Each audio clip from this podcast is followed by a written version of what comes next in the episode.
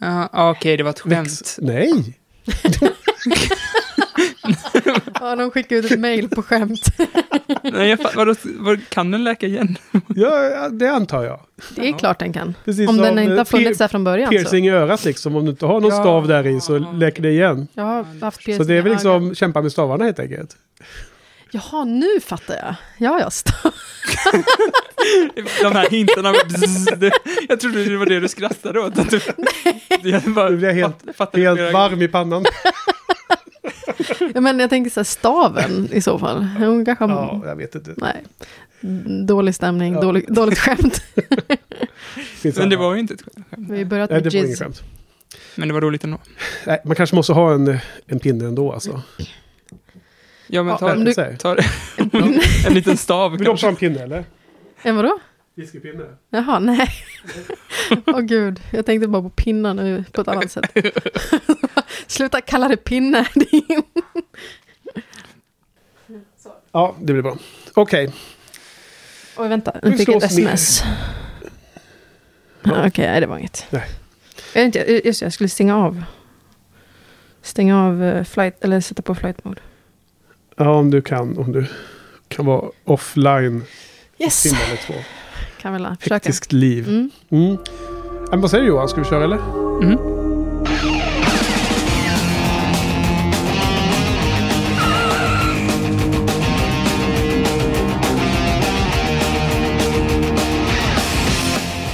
Hej och välkommen till Buffypodden.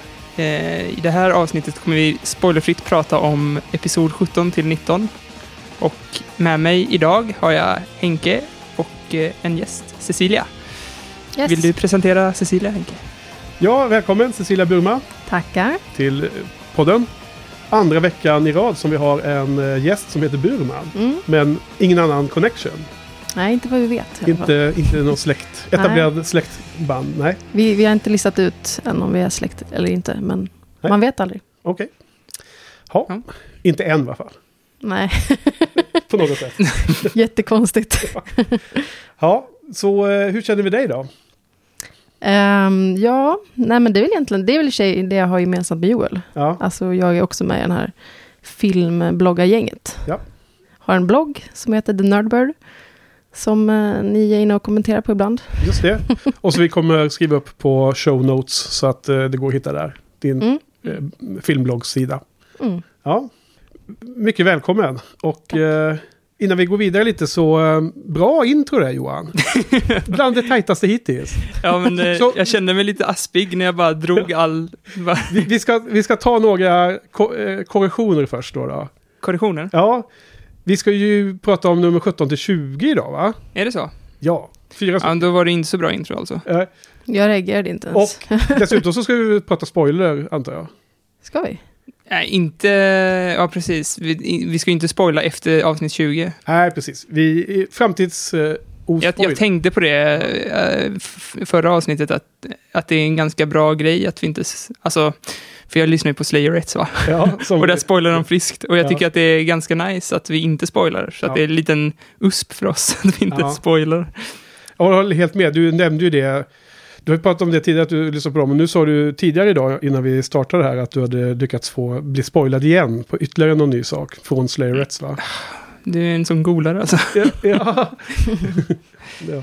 Nej men eh, för att belysa det då så har vi, ska vi försöka vara superstringenta på att inte prata framtiden. Bara upp till och med avsnitt 20. Är det. Ja, så vi ska spoila eh, avsnitt 17 till 20, men absolut inte mer. Så är tanken. Mm. Mm.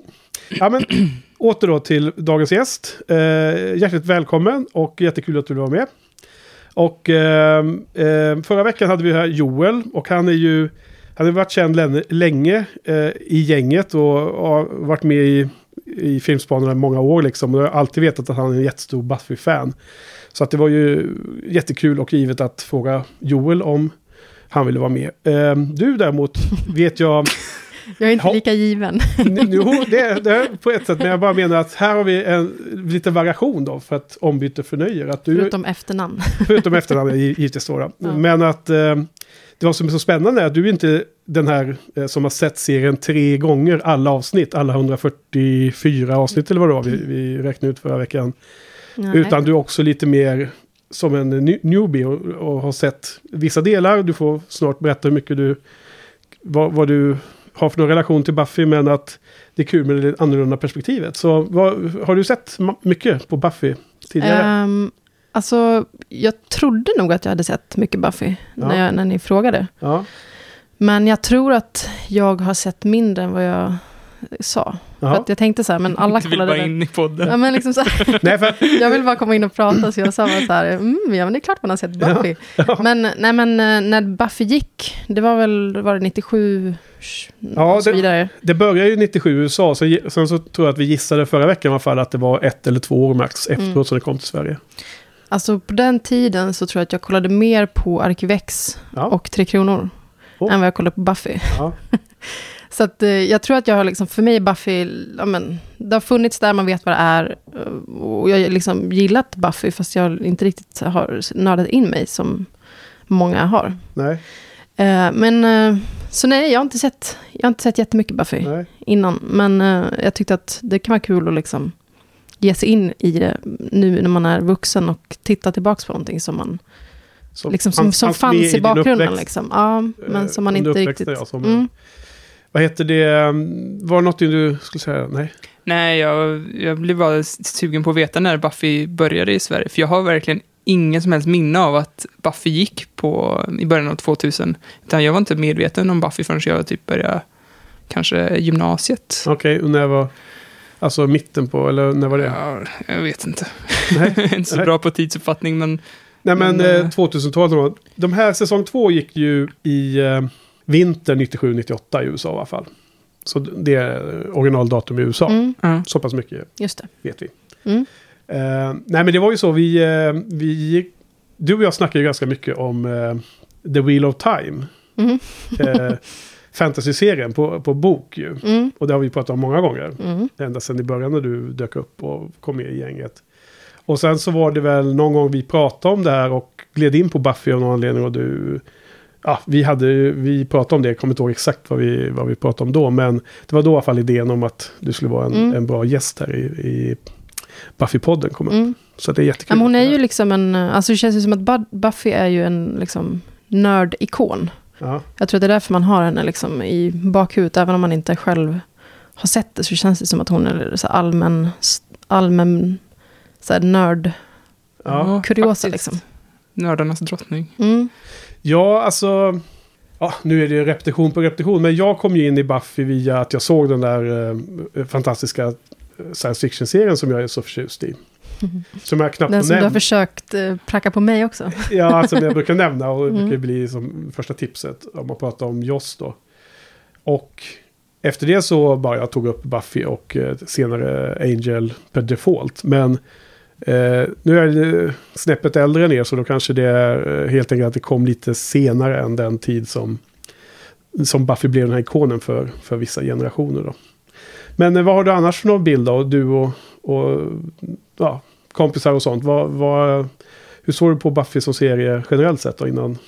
Innan jag började kolla nu. Ja, rent, rent generellt sett. Ja, för nu har du sett Mm. några, en, en del avsnitt av det som vi har pratat om eh, i podden. Mm. Och, Ja, men jag, har jag har kollat efter dina anvisningar. Och du sa ju så här, det, det finns några nyckelavsnitt i säsong ett. ja, Och det finns några nyckelsäsong i, i säsong två. mm. Eh, och första avsnittet känner jag ju igen. Alltså det är det, jag tror att... Liksom, Pilotavsnittet Ja, i säsong pilotavsnittet ett. känner Ja, man igen. Ja, Det känns som att det satte liksom, ja men det, det hängde jag med på liksom. ja. Men annars har jag, alltså, jag har ingen mer uppfattning än att hon liksom, man har koll på att hon är liksom som en, men, att man vet ju att hon har inspirerat jättemånga, ja. eh, liksom senare författare och tv-serier och sådär. Ja. Så det var typ det jag visste. Och att hon är något av en feministisk ikon också. Mm. Och det är väl det jag tycker är det coola med henne. ja. Ja, Josso var verkligen en föregångare i mycket, har man märkt när man kollar på Buffy. Det, det är verkligen som Joel säger, att man har väldigt mycket förutfattade meningar om Buffy innan man börjar kolla på det. Och jag tror att många har det. Vad menar du med förutfattade meningar? Att det är typ, eh, Joel sa att han såg det mest för TNA, liksom, och eh, att det är så här ungdomsserie, typ eh, lite bewitched-aktigt. Men det har ju väldigt mycket djup och väldigt mycket statement, har man ju märkt. Jag tror för totala Be- Bewitched, visst är det förhäxad Ja. på svenska. Ja. Ja, det- Jag tror nämligen att jag kanske kollade mer på det. Ja, Fast, Ja. eh, jag vet inte. Men, men, men jag tänker så här, när man, alltså hade man kollat på Buffy när man var ung, alltså när man var i den åldern, hade man fattat liksom hur smart den var skriven då? nope. Jag hade inte det. Nej, ja, man, får väl ant- man får väl hoppas att, det, att man inte har gjort det. Man var Mm. för ung, antar jag. Nej, för jag, alltså, nu när jag har kollat på säsong ett inför liksom, säsong två, så, så är ju liksom, det som man slås av är att den är sjukt smart. Ja. Precis som Joel eh, liksom, go over the hills för att poängtera. Liksom. Ja. Eh, och det, det håller jag verkligen med om. Att den är, liksom, den är witty, den är överraskande på så många sätt. Och den har jättebra karaktär. Ja. Eh, Ja. men, men jag vet inte om man hade liksom fattat det. Fast det, det, det är ju så ibland. Alltså att man, man gillar ju någonting, man, man är oftast före sin egen ålder. Alltså man, jag kollade ju på Arkivex när jag var liksom 11, egentligen för ung, Mm. tänker jag. Mm. Eh, så det är ju kul att man kan liksom uppskatta det när man blir Ja, nej, äldre det, på ett det, nytt det är sätt. kul, liksom. kul att du säger, för det blir, ger lite upprättelse. För jag kan känna att, att eh, de som... Jag känner många som är eh, vuxna och gamla, eller ja, allting är eh, relativt, men som är liksom verkligen eh, medelålders, om man säger så då. Och eh, som gillar Buffy jättemycket. Mm. Och så finns det ju andra då som aldrig har sett det och som bara ser det som en barnserie. Mm. Och det är väldigt lätt att se, ja men det är eh, kamp mellan onda och goda och mot vampyrer. Och sen då är man, då har de redan liksom helt eh, dissat den serien. Mm. Utan någon som helst mer eftertanke. Och det är ju lite, det är, då har man inte riktigt, eh, då har man ju inte överhuvudtaget för första giv- givit den chansen. Men man, Nej.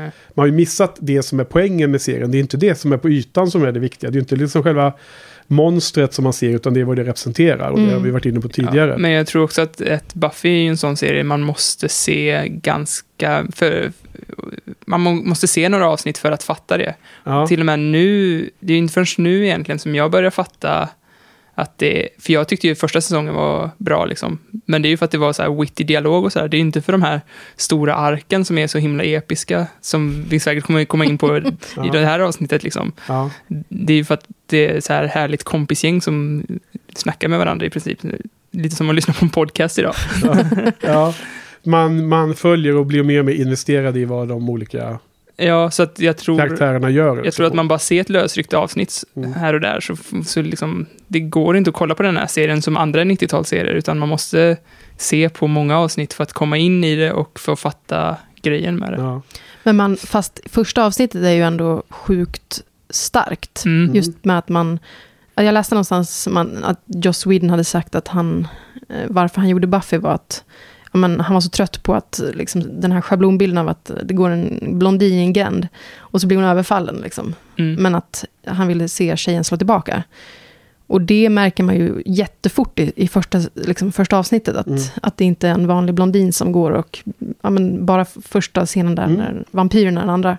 Darla Nej, Ja, precis. dödar den här killen. Nej, Och det är liksom, det tycker jag, man blir nästan överraskad. Alltså så här, man, det är så o- pass ovanligt att man fortfarande Ja. blir överraskad när man ser första avsnittet. Ja, precis. För han, samtidigt som han är väldigt kritisk mot det så, är, så ger han ju en jättestor hommage. Det är inte så här pekpinne liksom. Det är ju fortfarande en stor hommage till de här gamla skräckisarna och sådär. Mm.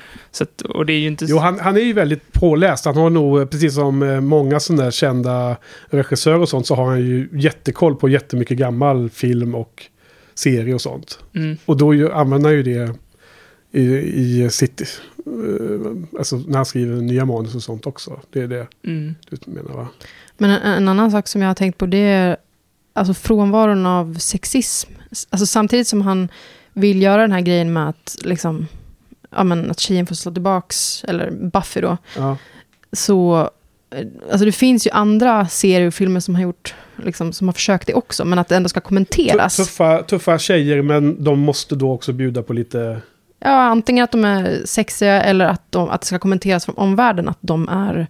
Eh, att någon försöker trycka ner dem. Men jag tycker att det finns ganska, alltså det är få som försöker trycka ner Buffy utifrån att hon är en 16-årig eh, Ja, men- tjej. Och att, Menar du från det- publiken nu? nej, jag menar från, eh, ja, men, alltså från de andra karaktärerna i serien. I serien? Alltså Ah, så här, från the Ja. bad guys eller från skol, Ja, det alltså är hennes liksom helt kompisar. naturligt att hon... Det är ingen ja. som ifrågasätter att, en, att Slayern är en ung tjej. Nej, Alltså hon är en naturlig ledare och Ja. så- hon, är, hon är ledare. Ingen Och det är som- inga se- sexi- sexistiska glidningar liksom. Ah. Och det Men tycker jag att man inom, får- inom eh, serien? Inom serien. Ja, först så trodde jag du För pratade det kanske, jag, har ingen, jag har ingen koll på hur folk kommenterade den när den kom eller så. Men jag tycker det är ganska Ja. befriande liksom att, att hon får vara fri från det på ett sätt. om. Eh, Ja, det är kul eh, spaning som vi inte har snackat om tidigare riktigt, den vinklingen. Alltså jag, jag kommer ihåg att jag eh, insåg helt plötsligt nu när jag såg om serien nu då för, för, för podden att hon har ju väldigt mycket lätt hon är mycket mer lättklädd i första säsongen än i senare säsonger. Från och med säsong två och framåt så har hon inte de här korta kjolarna och de här Mhm. olika eh, sån här eh, utmanande klädsel på samma sätt. Och jag vet inte, det är så mycket annat tror jag att det första säsongen som Joel kallade det, det var bara ett ihop kok. De bara slängde ihop någonting snabbt för de fick ju hoppa in mitt i brinnande tv-seriesäsong och ta över en spot, en plats. Å andra sidan så går hon på klubb i så här långärmad skjorta. I Så- första. Ja, är inte Jo, det jo, men första det- eller andra avsnittet? Jag, Ja, jag tyckte det var det- jätteroligt att hon går så här långbyxor och sen knäppt skjorta och liksom... Ja. Eh, nej, men jag, jag tycker i alla fall att det har blivit en liten förändring. Och det är Ja, okej. liksom... Eh, eh, om jag då spekulerar i så, så, så kunde jag då gissa att det skulle bero på att de kanske har liksom eh, tajtat till hela konceptet och hela storyn liksom. Och då har de valt mycket mer aktivt vad ska de olika karaktärerna Mm. eh, ge för några signaler ut. Så. Det brukar ju annars vara tvärtom. Alltså om någon har etablerat sig som kvinnlig, eh, liksom stark person så brukar man Ja. ändå, slut, i slutändan så brukar liksom kläderna Ja, åka av mer och mer. Men det är, det är bra om det inte... Alltså jag, jag har ju bara sett, kan jag ju säga, fram till det här, de här avsnitten vi har sett. Ja, det har jag Och det har ju du också. Så, ja. Och eh, Joss har ju, bakgrunden i hans eh, liv är ju att han har haft en väldigt stark eh, betydelsefull mamma. Och jag tror att han har systrar och typ någon väldigt stark mormor och så här också. Mm. Och nu, nu har jag inte kollat upp det här nyligen, och, men det är något, någon klocka som ringer i huvudet att han kanske eventuellt har eh, liksom, inte haft sin far närvarande i uppväxten och sånt där. För att jag vet att det brukar hänvisas till att han har haft alla dessa väldigt starka kvinnliga förebilder. Då, så att det, man kan väl tänka sig att det kan vara en del i Men jag tror också att uppfostran. Ja, men precis. Jag tror inte bara det att han är uppvuxen bland kvinnor, utan att han även fått feminismen liksom, genom sin mamma, eller vad det är. Att hon, hon är uttalad feminist, inte bara kvinna, utan Mm. faktiskt feminist. Ja, Så det är väl också... det måste ha varit kanske- ganska tidigt så fall. Ja, jag- jag- en till sak som jag tänkte på, som Ja. jag vill ta upp innan vi går in på avsnitten. Ja, ja, ja. Det kanske blir jättelångrandigt här. Men, Nej, men, eh, nej, men just det här med ehm, att det är också, alltså tjejer som comic relief är ju väldigt så här, starkt närvarande i Buffy Mm. överhuvudtaget. Alltså att eh, Willow är ju liksom, hon är ju jätterolig. ja. Eh, Cordelia är ju jätterolig. Eh, Ja. Buffy är jätterolig. Och att de är, får vara roliga sinsemellan, liksom, utan att det handlar om att eh, så här, bitch-slappa varandra som man gör typ i så här, för det, det känns som att det kommit en trend nu som är så här pitch perfect. Ja, det är också en massa roliga tjejer, liksom, eller bridesmaids, men de är ändå jävligt bitchiga mot varandra. Jo, liksom. precis. Man vänder Mm. inte bara på den här stereotypiska mansrollen som alltid finns. eh. Och bara vänder tvärtom och sen så är, så är de kvinnorna män som är, beter sig som stereotypiska Ja, män. är- Utan, utan Buffy till exempel, hon är ju både rolig och stark och sen svag och ledsen och liksom hela spektrat. Mm. Det är ju faktiskt rätt coolt. Ja. Så du menar att eh, det, serien uppfyller det här beställtestet? Ja, absolut, det tror Ja. jag. Det är väl bra? Då kan du få en sån här A-märkt. A-märkt, Ja. vad det hette. Ja, jag tycker ju det är lite galet i och för sig då, men det Ja, kanske vi inte ska... Det är en annan diskussion. Vi kanske Ja, inte ska det- komma in på, på, på fler eh, religiösa diskussioner Då får vi i den här hålla på podden. och klippa igen. Ja, precis. Men, Då blir det eh, hela helgen här. ja. Ja, nej, men intressant perspektiv och det är väl, var väl lite det jag försökte famla efter i början med min introduktion där då av, eh, av dig. Om att Ja. det är olika perspektiv här som vi var lite ute efter. Det är kul då att, att, eh, att du kan ge eh, andra vinklingar än Den andra Burman. den andra brukar. ja. Ja. Ja. ja, vi har Ja. nog lite olika. Men du, du såg några avsnitt kärlek. då, säsong ett. Jag kommer inte ihåg, men jag mejlade lite tips där om så här. Och, och sista avsnittet såg du i alla fall, Mm. tror jag. Vad tyckte du om det då? Eh, Prophecy Girl där när hon drunknar i den lilla, lilla Mm. sjön där och återuppstår och allt det där. Ehm, jag tyckte det var skitbra. Ja. Alltså, så, alltså som helhet så är jag, en, eh, jag är liksom inget, inget Buffy-fan. Jag kände lite grann, även om de, så här, många avsnitt är bra i första säsongen, så, så sitter jag inte och njuter när Nej. jag tittar. Utan jag är lite så här, eh, jag kollar efter det som jag tycker är bra och så liksom antecknar jag det i huvudet. Mm.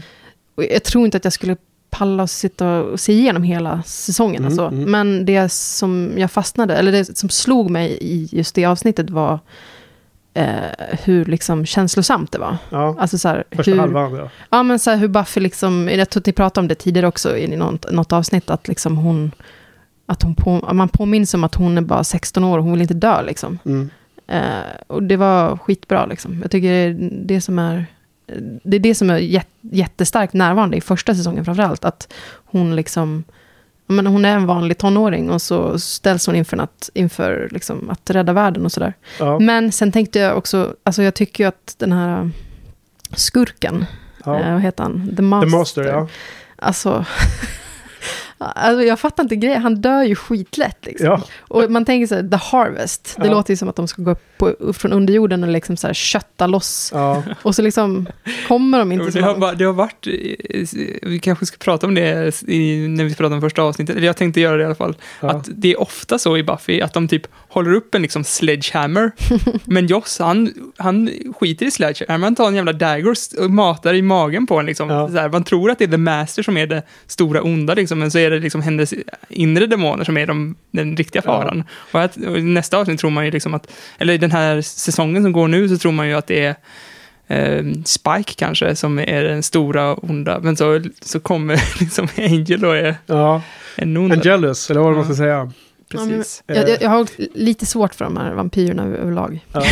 Ja, men jag tycker, jag tycker de är mesiga. Buffy the Vampire Slayer är jättebra, fast inte vampyrerna. Nej, Ja. Nej men jag är det är inget, som jag jag är inget vampyrfan. Liksom. Nej. Jag, tycker, jag är inte, liksom, det är inte min kopp te när det kommer till så här. Ja, men speciellt The Angel, han han är så jävla slemmig.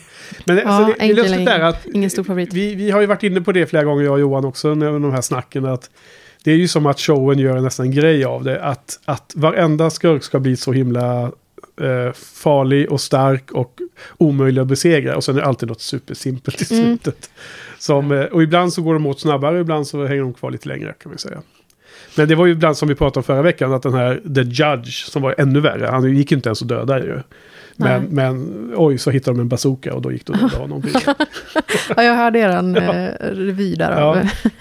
att han inte visste vad det var för någonting. Ja, det, precis, eh, själva hela spådomen var, hade inte riktigt räknat med framtida tekniska utvecklingen av vapenindustrin. That was then, this is now. Ja, Men, men jag har en annan spaning som Ja. jag måste ta upp. ja, ja. shoot. Alltså, där kommer det bara som...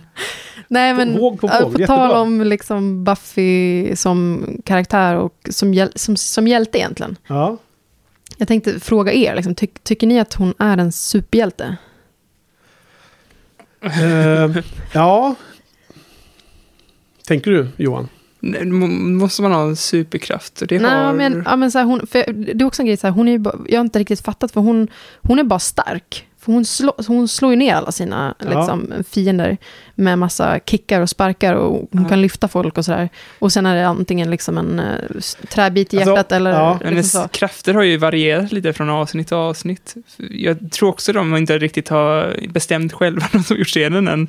För i något avsnitt så var liksom skuttade hon över liksom fyra meter högt stängsel. Ja. Ja, för ibland, ibland kan hon hoppa så här, jättehögt, så här, rakt upp. Ibland det- så, så ser hon fast liksom. Det är en annan klassiker i den här serien tror jag som man får bara lära sig att leva med. Det är att vampyrerna är så helt random starka. Samma eh, vampyr kan vara i ena av- avsnittet som inte klarar av någonting och nästa så gör de det jättelätt då. Så det, det är liksom lite anpassat efter varje avsnitt. Lite, lite grann som i, med kraften kanske. ja, Vi pratar nej, vi Wheel of Time. Ja, Wheel of Time. Nej, men snar, snar, snarare att det är eh, är, är fail i, i showen Mm. att de inte har kontinuiteten men att de också uppenbarligen skiter i det. Mm. För det är inte det som är poängen med serien. Utan poängen är att för varje avsnitt så behövs det en, en motståndare som kan olika saker den gången. Mm. Och då får det vara va- vampyren i, i det här fallet. Och de skiter i om det är lite olika. Och jag, det finns lite sådana tendenser till Buffy, jag tror i början, men sen blir det nog mer och mer konsistent i vad hon har för några kapacitet. Jag, om man ska svara all, eh, allvarligt på det, jag, jag satt och tänkte först lite så här, hur, ska jag svara på Cecilias fråga? Ska jag svara efter i generella termer utan spoila, men det jag vet från sju säsonger, eller ska jag, eller ska jag svara efter det man vet i slutet på säsong två? Och då ska jag försöka undvika att prata som... Bara att du sa det nu är ju en spoiler. nej, nej, egentligen Då inte. vet vi för ni vet som ju, kommer. nej, nej, nej, för ni vet ju inte ens vad jag skulle säga egentligen. Men då, Hon då, kommer ta på sig en röd cape och flyga. Nej, men alltså faktum är att eh, då måste jag nog ändå spilla lite vad jag tänkte på. Att det är ju inte... Det finns karaktärer i serien som utvecklas eh, mycket, mycket mer än Buffy. Mm. Så att frågan är egentligen vem som är eh, hjäl Jag- jag- hjälten eller hjältinnan. Det är inte ens säkert att det är Buffy som behöver vara seriens hjältinna. Just nu. Ja. Men, eh, Okej, men nu, Vi kan avleda det här. Men, Ja. nej, men jag, så då går vi tillbaks. Mm. Slutet på säsong två. Då skulle jag säga så här att... ehm, ja, men for- fortsätt Är du hon en? Nej, men jag tänkte mest på också om så här, eh, om, om man ser henne som en superhjälte och jä- jämför henne med andra superhjältar. Ja, Eh, för min, mitt största hatobjekt när det kommer till superhjältar, eller, knä, ja, men är den, jo, Får jag gissa? Ja, Stålmannen? nej. Nej? Nej, den, nej, det är Captain America. Jaha, Han tycker jag inte om. okej. Han, Varför inte det? han är tråkig liksom. Ja, ja. Han är ju, Och- just för att han, han, eh, han är inte så här rädd inför uppgiften att rädda världen. Nej. Och jag tänker att det är det som är liksom Buffys styrka, att hon tycker att det är jobbigt att Mm. behöva rädda världen. Alltså det är, så här, Mm. det är liksom en, någonting som har lagts på henne som inte hon eh, liksom kan välja. Mm. Och jag tänker så här, hade man kunnat göra Buffy som en kille? Alltså hade, hade det kunnat vara en manlig Buffy och ha samma liksom känslomässiga och emotionella Och djup? då hade det blivit Batman ungefär. Fast, Fast han- tycker han att det är jobbigt att rädda världen? Ja, men han har ju massor med issues och problem och um, psyk psy- psykologiska... Fast han vill ju inte springa ut genom andra dörren liksom. Nej, men han är ju inte, han, han är ju inte, han, han är ju inte en superhjälte utan han är ju bara uh, vi, Fast han, vi. fast han känns att han inte är rädd för döden. Liksom. Han skulle nästan tycka att det är lite gött att dö. Ja, jag har inte läst så mycket, jag, jag tänker mest på Nolans trilogi då, att, eh, med, med Christian Bale, att han är så deppig och svart hela tiden. Ja, men så precis. jag, gjo- jag gjorde den kopplingen. Mm, nej, men jag menar mest det här liksom att, eh, alltså så här, kanske anledningen till varför, Buff, varför Buffy är tjej är för att man får möjligheten att uttrycka alla de här Ja. rädslorna.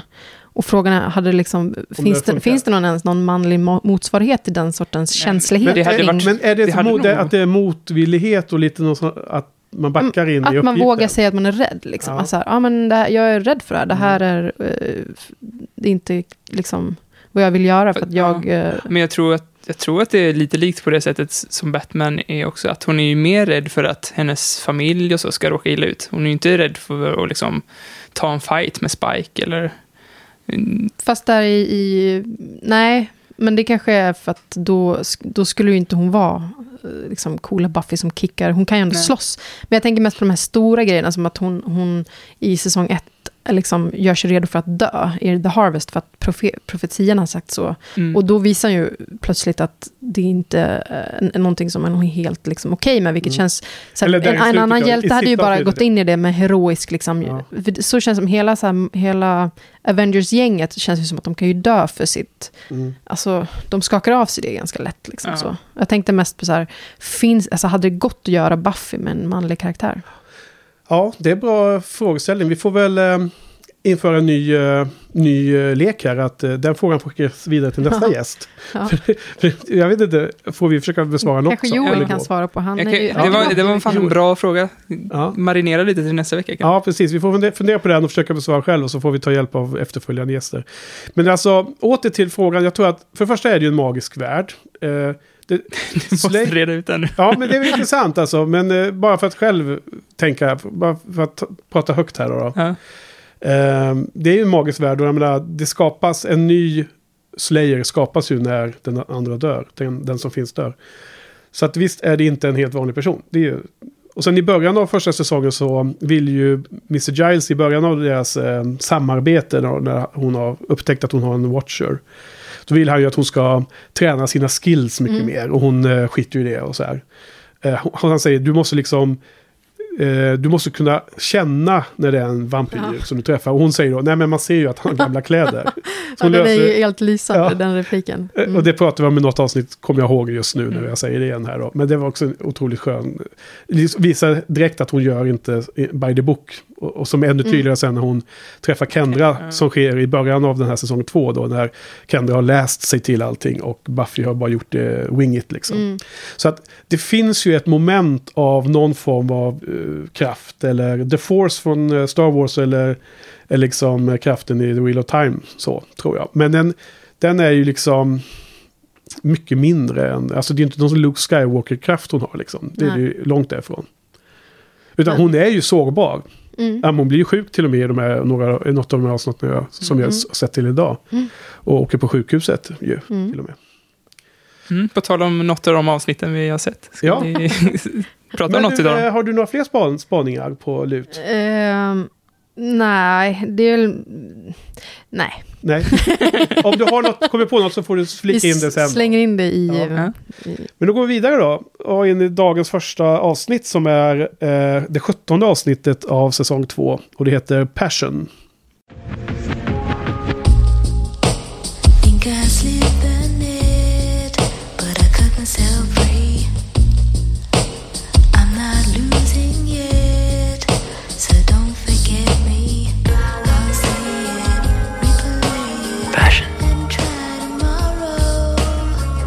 Lies in all of us. Replay it, Sleeping, and live with sorrow. waiting, and though unwanted, Think I unbidden, know by now, it will stir, there's never any open its jaws, I'll get and howl. through somehow. I'm on my knees to pray. You think I learned Passion. Det är alltid lite utmanande att ge en kort. Mm, men ändå tror det eh, en liten eh, recap som ändå mer sätter upp diskussionen än att förklara allting som händer. Avsnittet tycker jag mest är att eh, eh efter att Angel har blivit ond och det har ju uttalats tidigare att hans, eh, eh, hans metod som han, vad han jobbar efter är att han vill ju jävlas och tortera sina fiender med att bara döda dem direkt. Och det är det man får se i det här avsnittet, hur han eh, hotar Buffy och hennes vänner en efter en på olika sätt. Ehm, och ehm, det slutar med, avsnittet har ju den, den stora, stora eh, saken som skulle vara en spoiler. Eh, att han faktiskt tar ihjäl en av huvudpersonerna som vi följer. Eh, Jenny Callender, Miss Callender i slutet.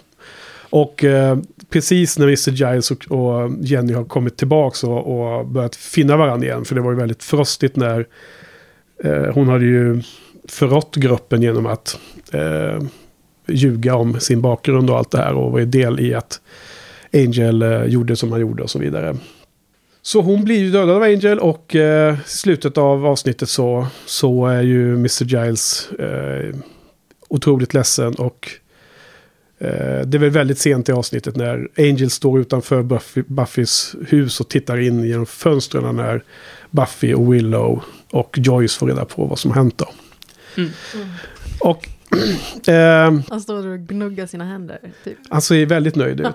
Men det, Eh, det känns som att vampyrerna, alltså de, de behöver liksom blod för att överleva. ja, Men det är ju typ, det känns som att det är så här ångest som de behöver. som att- lever på ja. Som får, får dem att liksom, ge dem en liten kick typ.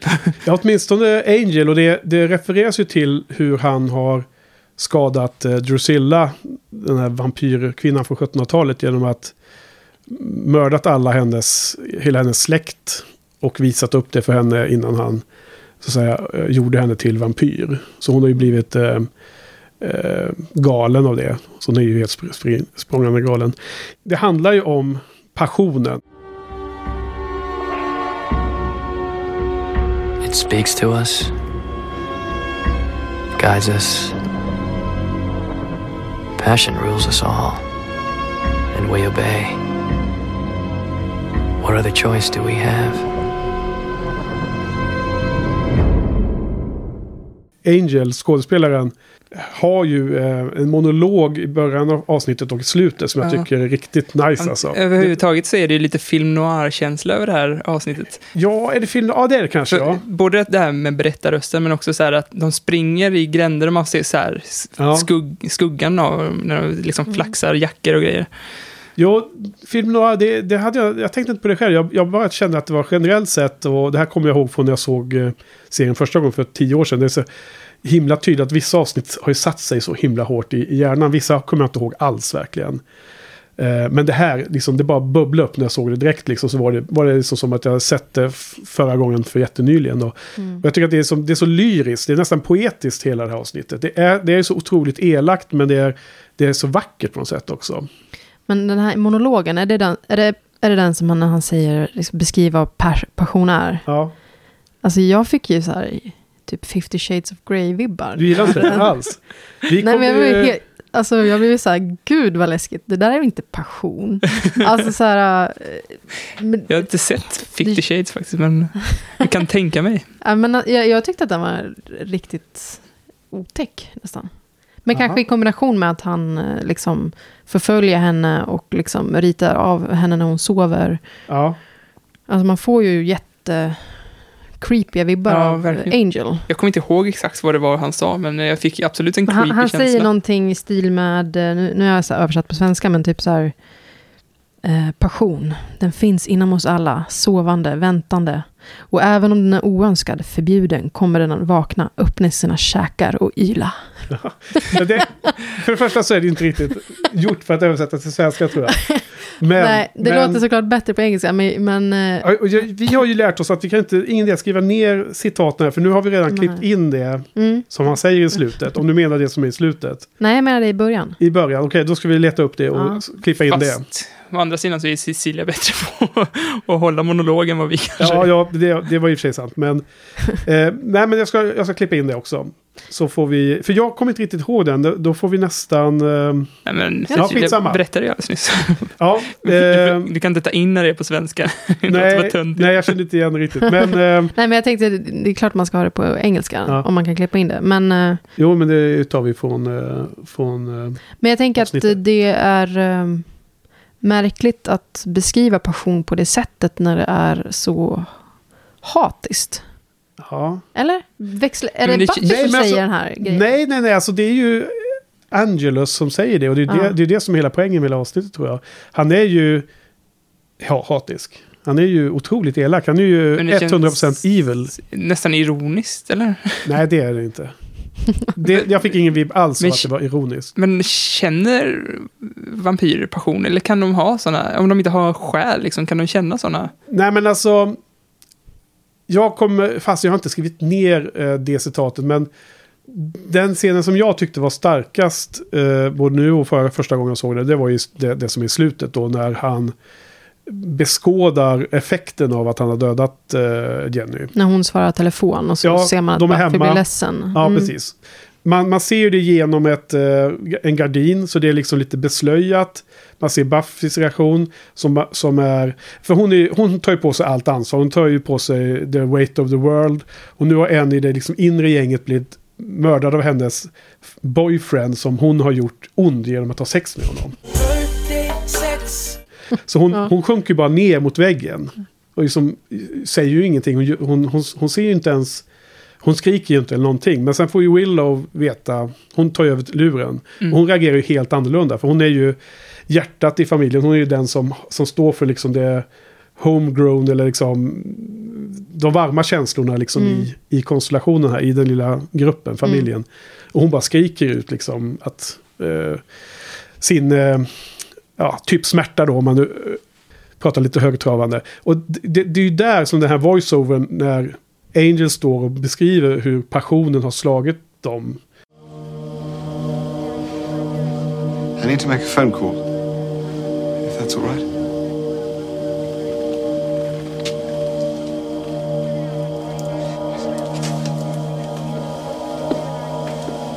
Passion is the source of our finest moments.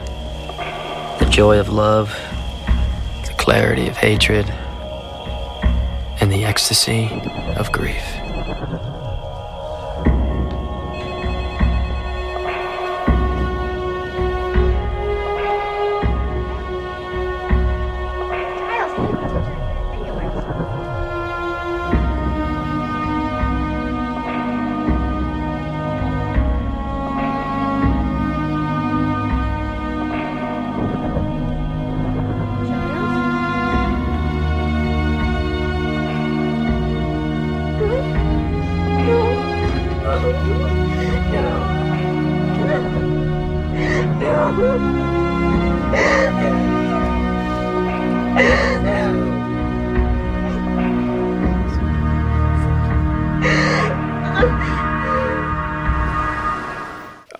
Alltså allting knyts ihop med den, med den sista scenen. Och, och den har vi nog också klippt in nu vid det här laget.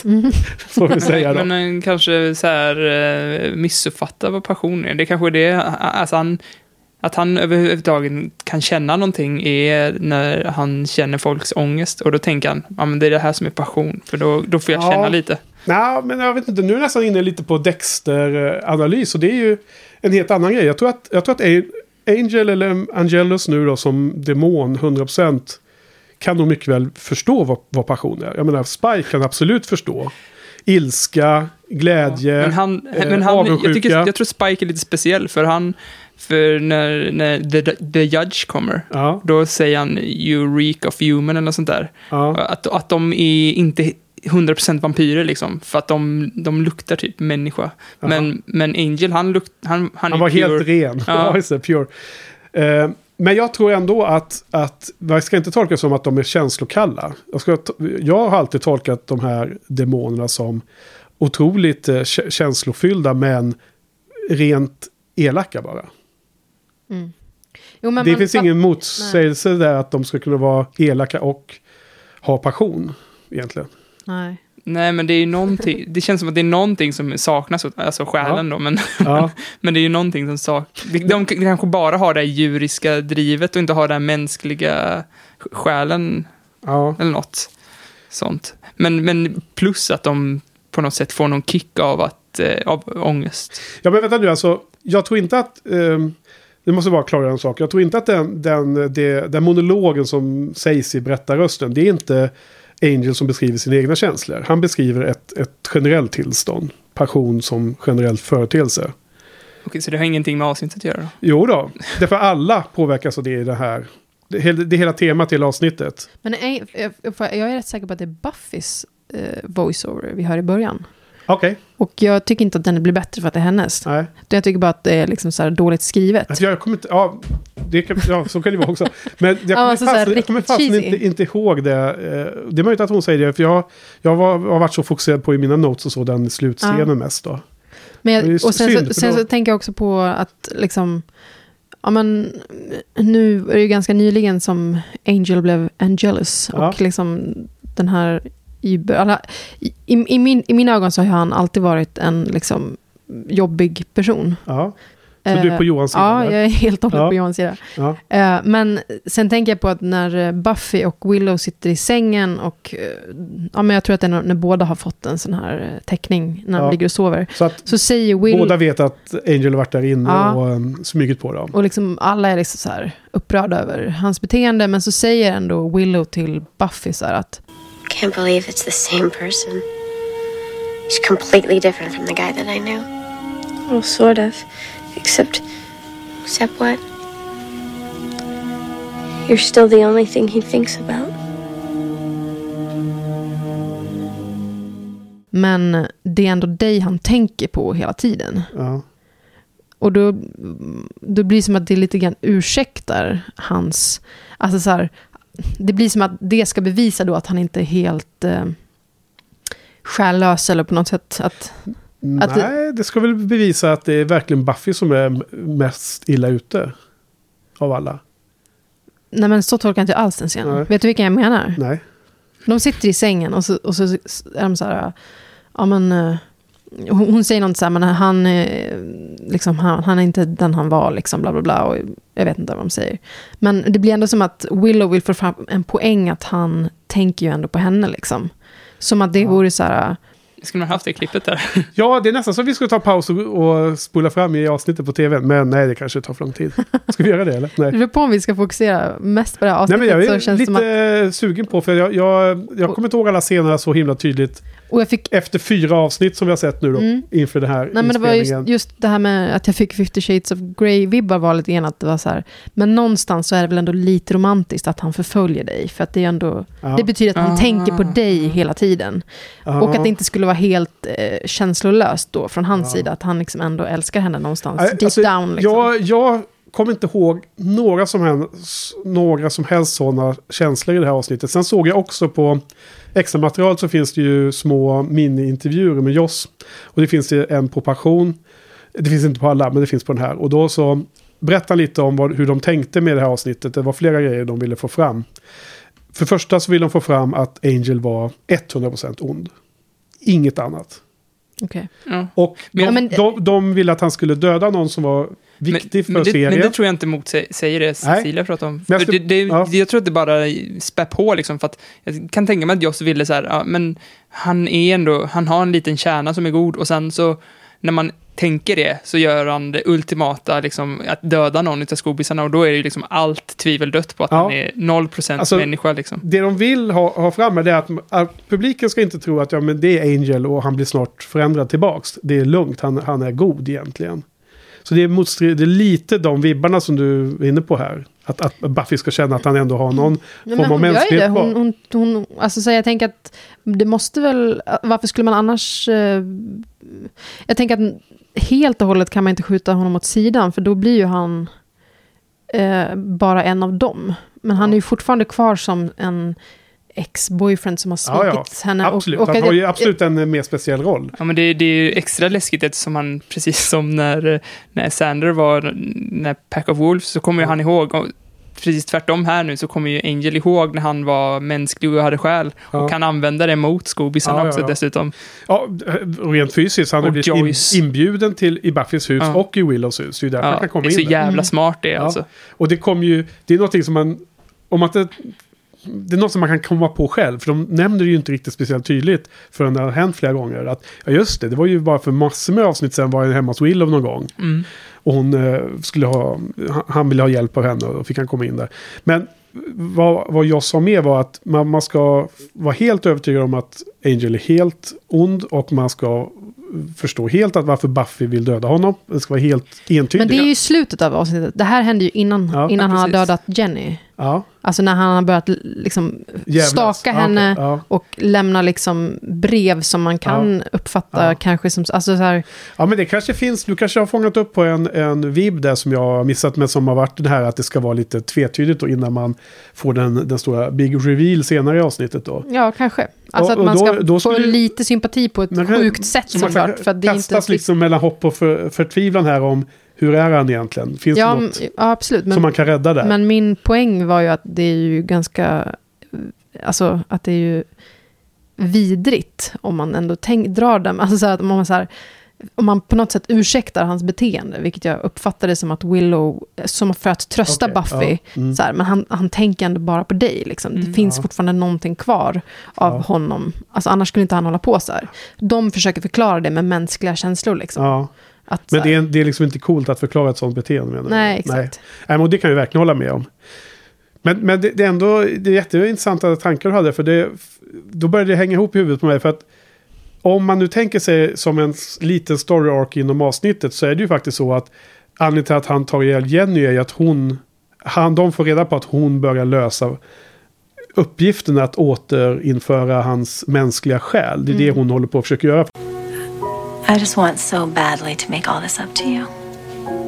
Det är hennes sätt att be om förlåtelse och få liksom Mr. Giles tillbaks och så. Mm. Och, Och oss Eh. tittare. va? Och oss tittare lite grann. Ja, just det, precis. Men komma tillbaks och liksom göra, gottgöra att hon varit delaktig i att det blev dåligt. Som de då tycker. Fast det, jag tycker de är ganska hårda mot henne i och för sig. Jag, jag, jag, har ju aldrig, jag har aldrig tyckt att hon var liksom dålig egentligen. Hon har bara varit i en dålig situation. Men Dr- Drusilla får ju den där, eh, hon har ju någon slags eh, förmåga att se sanningar. Typ hon är så här truth seer av något slag. Drusilla. Så hon, eh, hon, hon börjar prata om the, the bad teacher eller evil teacher eller vad hon kallar henne. Och då kommer ju Angel dit och, och får ju reda på att Jenny har köpt en sån här liten orb som hon ska fånga hans eh, själ i och sen ska den återinföras honom. Så han tar ju ihjäl henne bara för att eh, han vill undvika det här. Och, Mm. och om man då... Men varför vill han undvika det så hårt? Därför är- att som demon så vill han inte tillbaks. Varför vill han inte det? Det, att de är ju 180 grader mot varandra liksom. Mm. Hans mänskliga jag och hans demon-jag. Okej. Ja, Eh, precis. men det är ju också, då har ju du belyst egentligen att det är ännu mer eh, fränt gjort i hela avsnittet. Att man i början då ska få en slags tvetydighet. Finns det något chans att jobb, rädda honom? Och Jenny har jobbat med det till och med. Och sen helt plötsligt bara pang. Jag tycker hela den scenen när han dödar henne är jäkligt bra gjord. Ska vi, ska vi ta lite om den? Alltså, han, han jagar ju henne. Ja. Flera steg liksom. Hon ut i det första rummet, hon springer en korridor, och dörren är stängd. Och, Ja, men han njut, han njut, alltså där, där tänkte jag också på det här att, att han lite njuter av ångesten där. ja. Alltså han säger typ work up an ap- appetite. Alltså, Ja. bara, jag vill, Han, och han, han latchar med henne lite som Ja. katten tar, Precis, tar och musen. det är lite så här skräckfilms-hommage där också. Ja. Att han bara går efter henne medan hon springer och Ja, springer. just det. Här, Han kunde lika gärna haft en sån här liksom, lamt ben Ja. och släpat efter sig. Klubb, Men, men ben. man leker ju med den här klichén att ska hon klara sig eller inte. Sen så, eh, när hon, man tror att hon ska springa upp eh, och man ser inte till honom så har han helt plötsligt hoppat upp där väldigt snabbt på, på någon Det trappa. tänkte jag på. Hur, hur kan de göra så? Ja, det, det är För det sagt- tänkte jag på så här, men, om, om, gick han genom väggen nej, där, om liksom? manus kräver det så kan han ju röra sig väldigt fort. Det var det jag pratade om tidigare. Ja, men det det, är det- ja, det är det det jag har det- problem det är med. det Alltså, som jag, showen- jag blir jätteirriterad på sånt Showen där. kör med det och det är liksom... Liksom så här, om man först måste så här, springa efter och, och så kan hon så här, golva honom genom att liksom så här, Putta till honom och sen så Ja, plötsligt så förflyttar han sig. Liksom. Men, men, Men det, det- var inte det som var, eh, det var inte skulle komma till, utan det var ju det att hela den här setupen är ju lite, man känner som, som du sa, det är som en skräckfilm. Men då har det liksom ett annorlunda slut. Antingen så blir det att offret klarar sig på något mystiskt sätt, det händer ju inte här. Eller så blir det någon, någon kill scene liksom, som ska då gött, man ska få ut det göttaste av den scenen. Det känns som att regissörer vill då ta vara på den här gåvan att den här scenen kan bli göttig. Här så tar man ihjäl henne så jäkla fort. Ja. Alltså, han man- lägger inte ner fatt- knappt, ingen energi alls. han hinner knappt fatta vad som händer. Bara, men, Ja. va? va? Ja. Nej, va? Och för lyssnare då som inte har sett avsnittet. Man tror ju att den här vampyren ska bita henne. Som, som alla andra va vampyrkills har varit hittills i hela serien. Han tar ju bara henne i huvudet och, och eh, bryter nacken på henne. Ja. Mm. Men, speciellt en med tanke på att han säger att han är sugen på henne. Ja. Liksom. Men det, det var det Joss kommenterade i den här intervjun. Att man ville visa hur, hur urjävlig Joss, jag säger, Angel är i den här scenen. Att han inte ens biter ihjäl henne. Utan han, han, han gör det nästan som en förnedring. Mm. Han, han, han tar henne inte ens som mat, han bara liksom dödar henne. Mm. Och det är ju... Jag kommer ihåg att jag var jäkligt chockad första gången jag såg serien. Jag hade, Det var jag också. jag hade inte riktigt förberett mig på att en sån stor karaktär skulle... Det här var ju, det här var ju Buffys Red Wedding alltså. Det var ju kommit från ingenstans där. Ja, Oj, vilka paralleller. ja, Jo men alltså jag kände li- samma, alltså, det var samma känsla inom mig som Red Wedding. ja, Och nu kanske, alltså vet man inte vad Red Wedding är så är det ju ingen spoil. Men Nej. på Red Wedding så är det ungefär samma relation. Det är ju inte innersta, innersta cirkeln. Men Nej. det är ändå väldigt nära inpå Ja. den cirkeln liksom. Och, och, och, och Mm. det är en karaktär som jag hade stora förhoppningar på i Buffy-serien. Ja. Jenny Callender måste jag säga. Ja. Det kändes som att eh, hon var en eh, som man skulle satsa på. Kommer jag ihåg. Och, och, um, Ja, hon var ju, hon var ju svinbra faktiskt. Ja. Skådis. men eh, tyvärr så... Gone is gone så att säga. It's a gun. Eh, ja, jag tycker att det här är det bästa avsnittet som varit hittills. Japp, det håller jag med om. Eh, av eh, hela säsong 1 och 2. Oj, va? Ja, Herregud. Håller du inte med om det? Nej. Alltså, jag, det här är nästan tvek, tveklöst bästa avsnitt tycker jag. ja. Nej, alltså jag, Jag kommer inte dra ner medelbetyget här. Jag har inte varit uppe så här. Jag, jag, jag skulle ge det nio, tänkte jag. Ja, Alltså, samma här. ja. ja, vad lustigt. Men det är också, det är också så, jag blivit, sjukt. jag har smält ihop här. Ja, men det är så sjukt eh, att han fortfarande kan ha det här roliga också. Att Ja. det, det är ju inte, alltså, det gör nästan det mörka ännu mörkare, att de har det här Scooby-gänget skojar och har roligt. Eh, Det finns ju en scen när de är på biblioteket till exempel.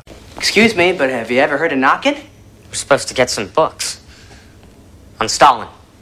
Does this look like a Barnes and Noble? This is a school library, Sander. Since when? Och det kommer in en elev och bara, alla bara, vad fan, vad gör du här? Vad, vem är du? Så bara, jag, ska, jag är på biblioteket, jag ska köpa en bok. Ja, ja, just det. bara, this isn't an Barnes and Noble. Bara, men det är skolbiblioteket. Da, da, Since when? ja, det var helt glömt av att det, det är inte liksom hö, hö, deras eh, headquarters. Men, så du var inte spoilad över den här händelsen? Nope, nope. Vad skönt. Ja. För jag har skrivit det som en av mina kommentarer. Frågetecken. Var, var Johan spoilad eller inte? Men du var inte heller spoilad eller? Nej, alltså kanske varför jag inte känner så mycket för det här avsnittet är för att jag inte har sett de andra avsnitten i säsong två. Även om jag har liksom, ja, men jag, jag har läst lite grann om Ja. dem och sen har jag lyssnat på er podd. Så för mig betydde egentligen inte hon Jenny så mycket, men det jag tyckte var starkt, alltså jag älskar ju Giles. Ja. Så det var mer så här, genom honom kunde jag förstå liksom, eh, sorgen och hur Ja. liksom, jobbigt det var. Och det, tyck, Ja. det var det som lyfte avsnittet för mig, det var Giles liksom. Men jag, jag, det är faktiskt lustigt för att nu i veckan så mejlade Steff och undrade lite.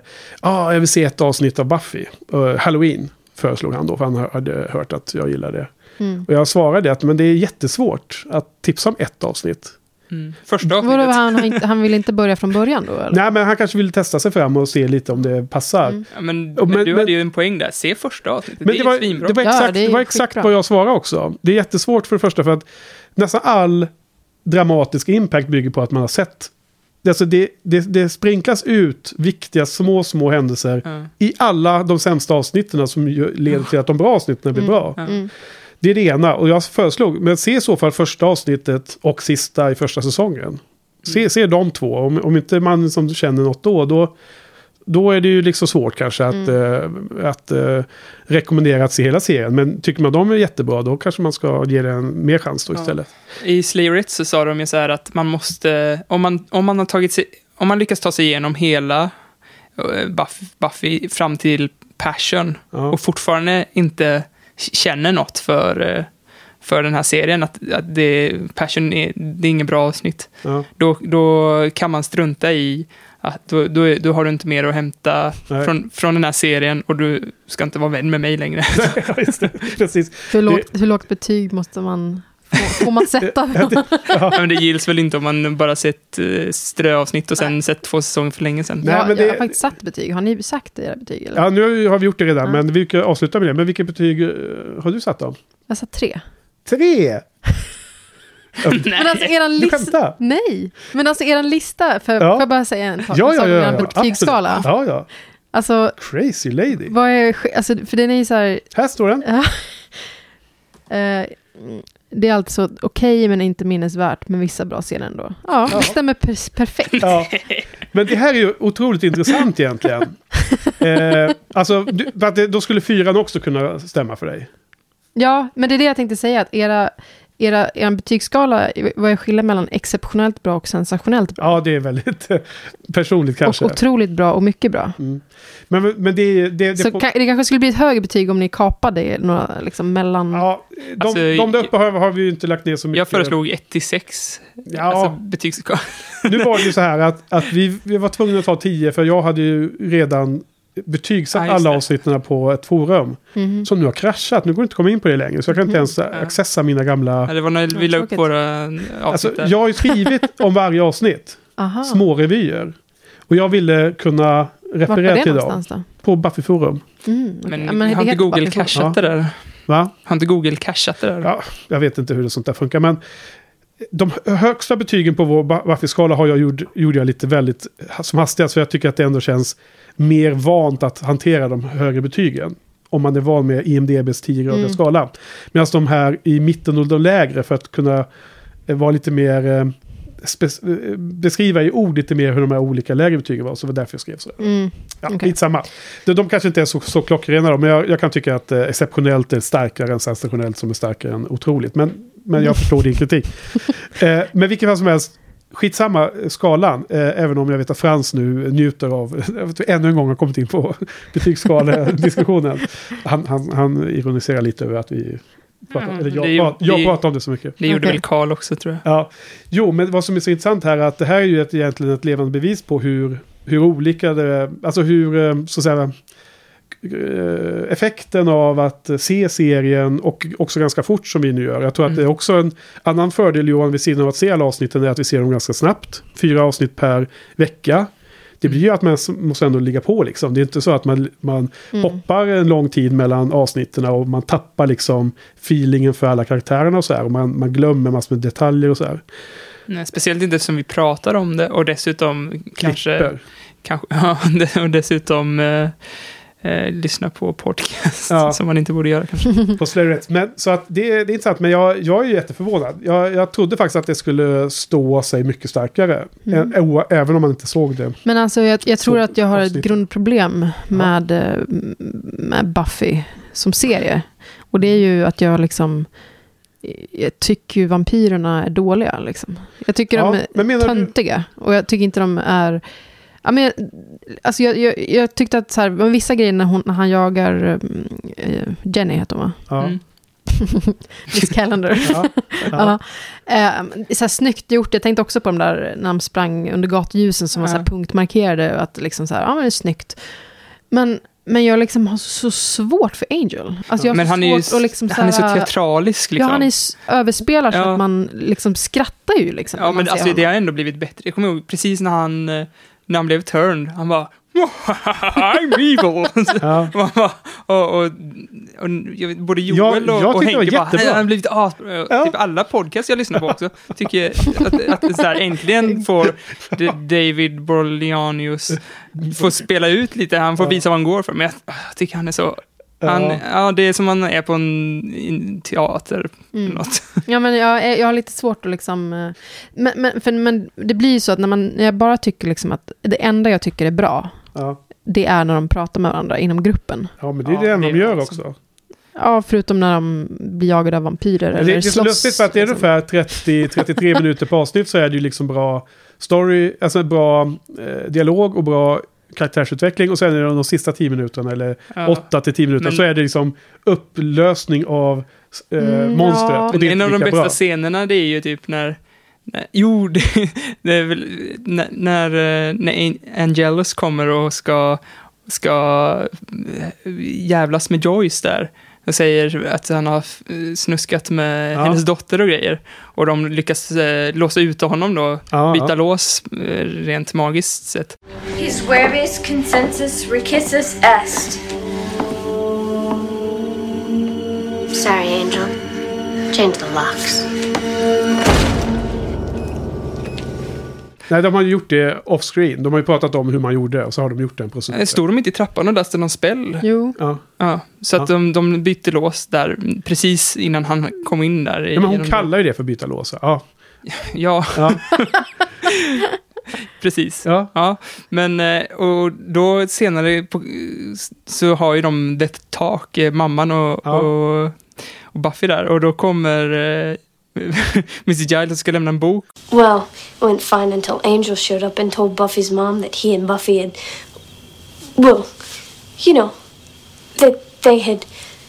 You know. You do know, right? Oh, yes, yes, sorry. Oh, good. Because I just realized that being a librarian and all, you maybe didn't know. Oh, thank you. I, I got it. You would have been proud of her, though. She totally kept her cool. Okay, well, I'll tell Buffy you stop by. Would you, um, think perhaps I should uh, intervene on, on Buffy's behalf with, with her mother? Um, maybe say something? Sure. Like, what would you say?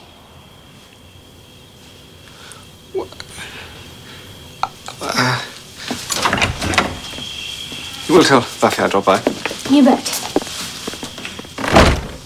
Så, Ja, just det. och så ska han, eh, vad är det han frågar typ? ja, men Willow Ska- och han har Ska inte jag ha ett, ha ett ord med, med Buffy då? Och Ja. Willow bara, jo, Eller med vad ska du säga för mamma. någonting? Nej, men så- han, han erbjuder sig att eh, gå upp och prata med Joyce. Ja, just det. Med För mamma. att hjälpa Buffy. Och då frågar Willow, "Jaha, vad ska du säga då?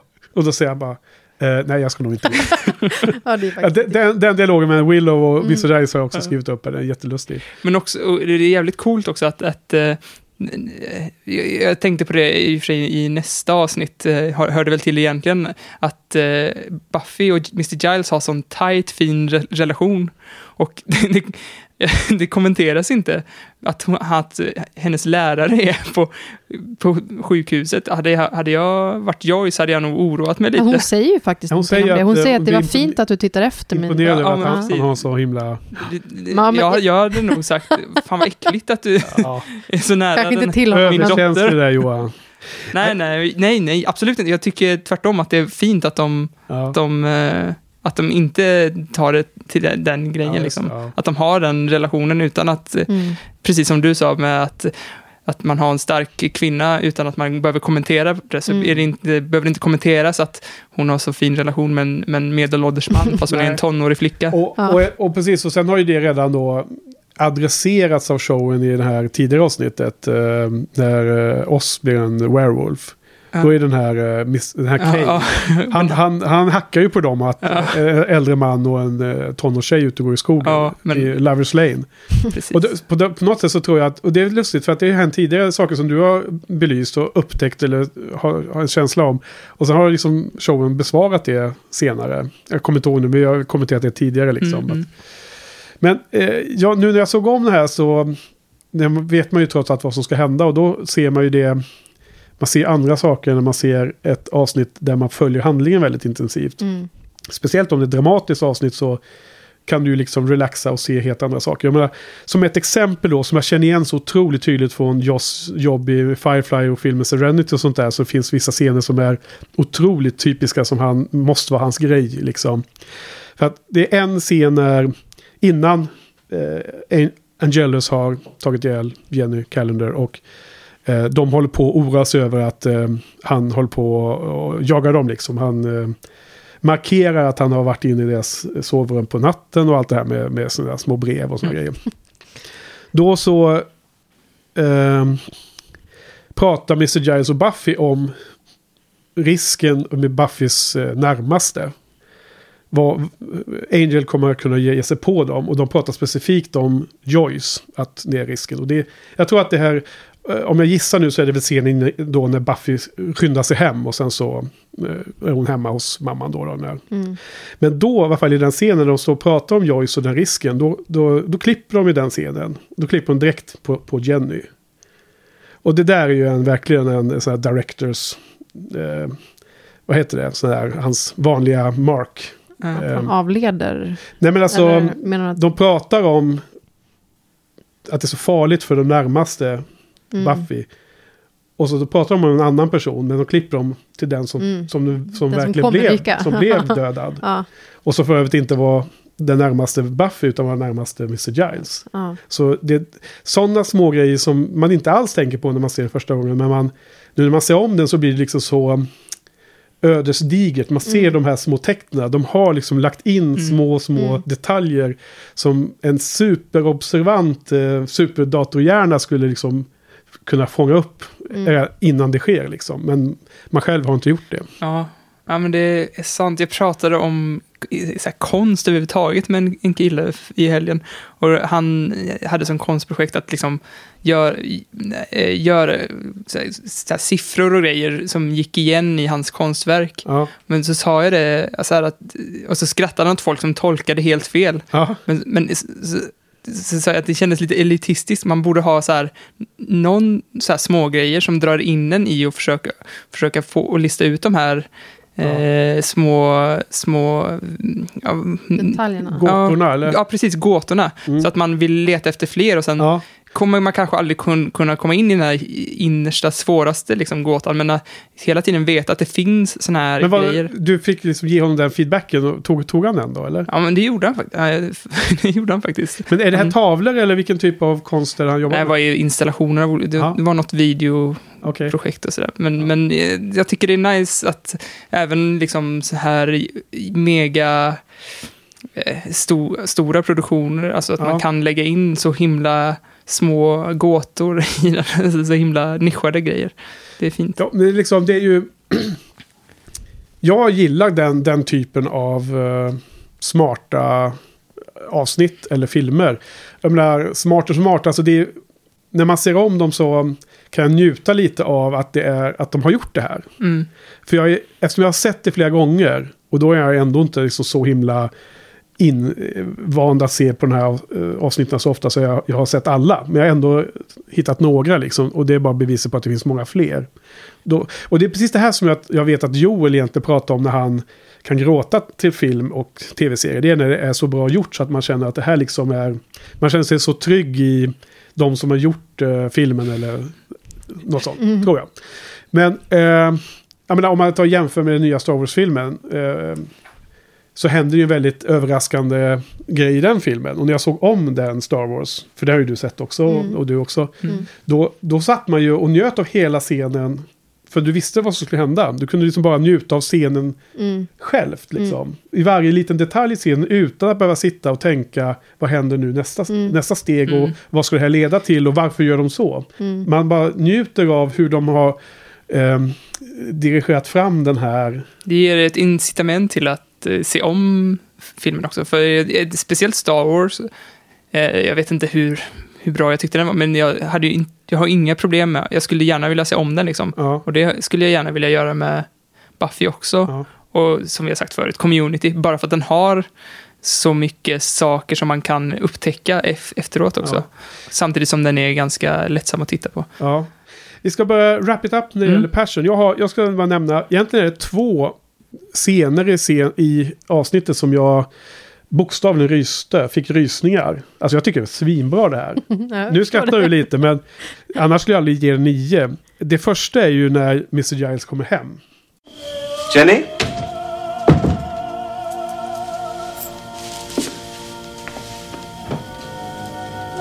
It's me.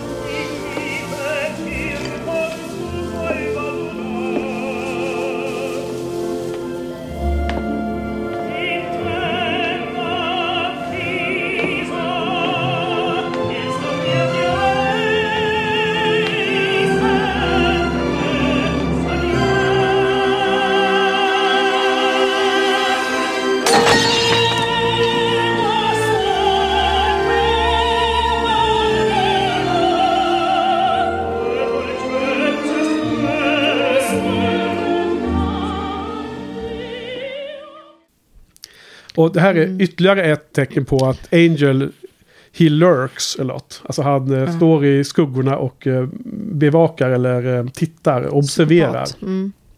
Han har ju... Han har ju, hon är ju död. Hon har, ju- han har ju tagit hem henne till Mr. Giles. Mr. Giles vet ju att de ska ses på kvällen och tror att hon är bara där hemma och, och väntar. Men kommer in i sin lägenhet och ser att det står framme champagne. Det ligger rosenblad som är en eh, väg upp för trappan in till sovrummet. Och spelar ju den här eh, La Bohème, eh, klassisk opera, Mm. Puccini. Och allt det här vet ju, och med musikvalet och sånt måste ju Angel veta för att han har koll på Mr. Giles. Han, han har ju gjort en, en scen där hemma som är avsedd för att Mm. förklara för Mr. Giles hur pass under hans Mm. skinn Angel är liksom. Mm. Som, som en fiende. Sen går ju, det är en helt otrolig scen tycker jag. Men he- Den är för kort alltså. Den skulle ju varit lite längre för att musiken är så mäktig och, den hinner ta tag i en men det, sen tar scenen slut tyvärr. Den är lite abrupt också precis som själva dödandet var i scenen innan. När Mr. Giles blir bara helt knäckt. Så den, den scenen kände jag väldigt mycket Mm. för. För jag är också svag för Mr. Giles. Och sen så är det den här sista scenen när Angel står i, i trädgården och tittar in då. Där, när de får telefonsamtalet där. Willow och Buffy. Och Ja, Mm. ja, det är inte sista avsnittet, eller sista scenen på avsnittet. Jag tycker... Men i slutet där, vad hände Ja, men efteråt då? För sen så kommer ju, kommer ju Scoobisarna till biblioteket, tror jag det. Så upptäcker de att alla hans vapen är borta. Ja, just det. Eh, Ja, det, och då- ja, just det. Hela den grejen. Ja, och då, och då liksom sticker de till The Factory, eller vad det Ja. heter, och hjälper Giles. Och där i slutet, eller Buffy gör det i alla fall. Ja. Och där i slutet är det också en jäkla fin scen mellan Buffy och Mr. Giles när Buffy klipper till honom och säger åt honom att så här, Läm, lämna mig inte. Ja. Och Mr. Giles säger, det här är inte din fight. Och då klipper hon till honom och säger, men du får, inte, du får inte lämna mig, jag behöver dig. Och det var också ganska fint tyckte jag. Are you trying to get yourself killed?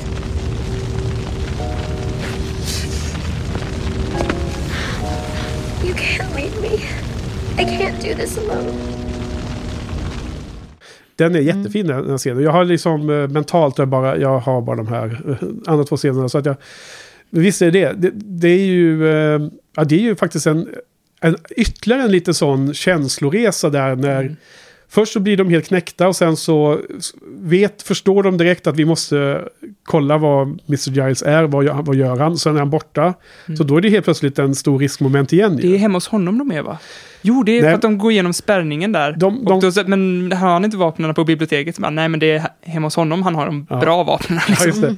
Nej, de, de åker till, någon åker till polisstationen och har hört att han redan lämnat där. Ja. Och då störtar de hem till honom och, och, hämtar, och kollar att vapnen är borta. Nej, så han skulle inte ha en chans där mot vampyrerna, men Buffy lyckas hinna förhindra det. Och bränna ner eh, vampyrernas hem där. Som vi får se senare då. Ja, men, och, Så de måste flytta. ändå De inte, måste flytta.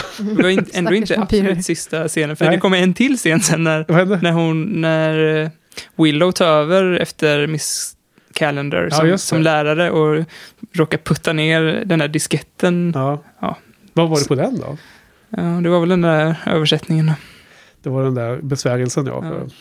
Ja, man vet aldrig vad som händer. Men eh, okej, ja, men det är långt snack men intressant ändå. Bra. eh, Jag, jag, kanske höjer, jag kanske höjer betyget till en fyra, för att de scenerna som ni beskrev det var faktiskt väldigt fina. Ja, men, det är för att, men faktiskt, Mr. Giles får mig att mjukna Ja. totalt. ja.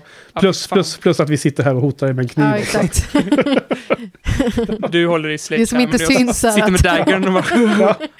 Ja, Nej, men, Elak jätte. det kan jag hålla med. Ja. Och, och för att era, din, din eh, betygsskala är lite... Ja, Man kan tolka den lite som man vill. ja.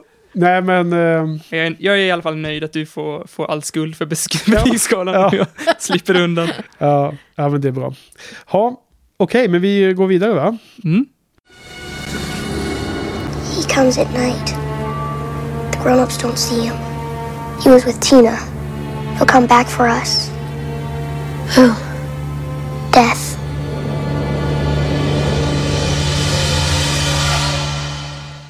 Ja, i det här avsnittet, Killed by Death, så har Buffy råkat ut för en eh, snuva. Och eh, det öppnar upp en fighting-scen med Angel där hon kollapsar och skobisarna får komma till undsättning. Eh, hon förs till sjukhus och eh, alla nära och kära, Miss Giles är nära och kära, som vi sa förut, eh, kommer och hälsar på. Liksom. Och då börjar hon yra om vampyrer och grejer, så då får de söva ner henne. Och Buffy har traumatisk relation till sjukhus eftersom hennes kusin dog på ett sjukhus när hon Ja. var ja, sju, Liten. sju, åtta års åldern kanske.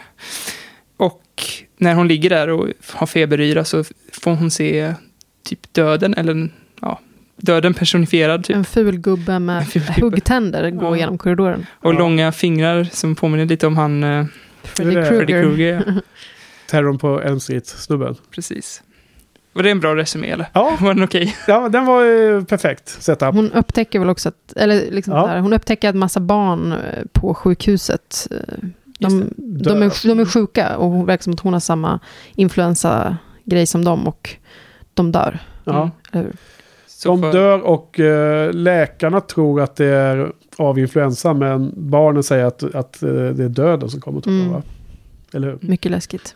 Ja, alltså vi- visst är det här avsnittet... Jag tyckte att det var lite scary i början. Det fanns en viss eh, feeling Ja, alltså, i jag vet inte vad det är med-. Den här eh, slow motion scenen när dörren går förbi där, Ja. dörren. Jag tyckte den var faktiskt jätteläskig. Ja, Och jag, Men var inte det för att han såg ut som Freddy Krueger? Jo, alltså man kanske. fick ju så här, men jag, jag fick för mig att, att det var för att det var i slow motion. För jag tänkte samma sak när jag Mhm. såg eh, True Detective. Så Ja. fanns det en jätteläskig scen när Ja, han, den onda killen, gick med en gasmask i slow motion. ja, ja, Mm. det är precis i slutet av avs- avsnitt tre av första säsongen. Det är ju svinbra. Ja, och det Men var det- så jävla ja. läskigt. Och så har jag fått för mig att det är för att det är slow motion, bara för att det känns som att de är som en stor jäkla Titanic som inte går att stoppa, bara för att Mm. de går så långsamt. Jag vet är inte. inte det också för att man i, i drömmar brukar man också så här, du vet, känna den här av att man ligger i sirap eller att man inte kan röra sig. Ja. När du vet man försöker springa från någonting så går allting väldigt sakta. Ja. Tänk Ja. att det är så samma känsla, att Ja, någon den var- glider förbi så för långsamt och det är så smärtsamt att se någon som går förbi liksom långsamt än att man ser någon så. Liksom. Ja, nej, jag, jag måste bara säga att jag tyckte att hela den inledningen var en jäkligt eh, skrämmande stämning i. Mm. Och eh, eh, lite överraskad. För jag tänkte att det här borde jag ha kommit ihåg mer tydligt. Mm. Men jag blev liksom lite tagen igen av eh, skrämseleffekten. Sen så försvann ju det bort efter ett Ja. tag. Ja, verkligen. Sen så blev det väldigt, väldigt monster of the Week. Men också så här att de tog... Eh, det kom in lite för sent tycker jag, där eh, här med att de var lite callback till Angel och det som hade hänt med Miss Calendar. Jag tänkte, har, har, de, har de glömt det? Men sen kom det lite så här kommentarer på det ändå. Eh, att de sa, jag är ledsen för din förlust, Mr. Giles och sådär. Och, Ja. och sen kommer Angel in och ska... jag vet inte vad han det har jä- planerat. Jävlas lite. Ja. Så Alltså, han är fett jobbig. Han är som en blodigel. Ja. Han liksom bara söker upp Buffy hela tiden. Skitjobbig. Vad, men vad tyckte du Johan? Eh, Nightmares, eh, avsnittet från första säsongen. Mm. Om eh, den här lilla pojken som gick omkring och var Just det. död. Det var väldigt liknande Ja, jag va? tänkte också det. Det var... Ja, Såg du Nej, nej. Nej, för det var, inte, det var inte ett av de starkare avsnitten där. Men Mm. eh, jag tyckte att det, på, det var för lite för mycket repetition. Även om själva poängen här var ju annorlunda. Ja, jag, jag, jag tänkte bara, jag känner igen det här. Men det, har ju, det här är också ett Buffy-avsnitt. Ja, ja, precis. Ja. callback till sig själv på något sätt.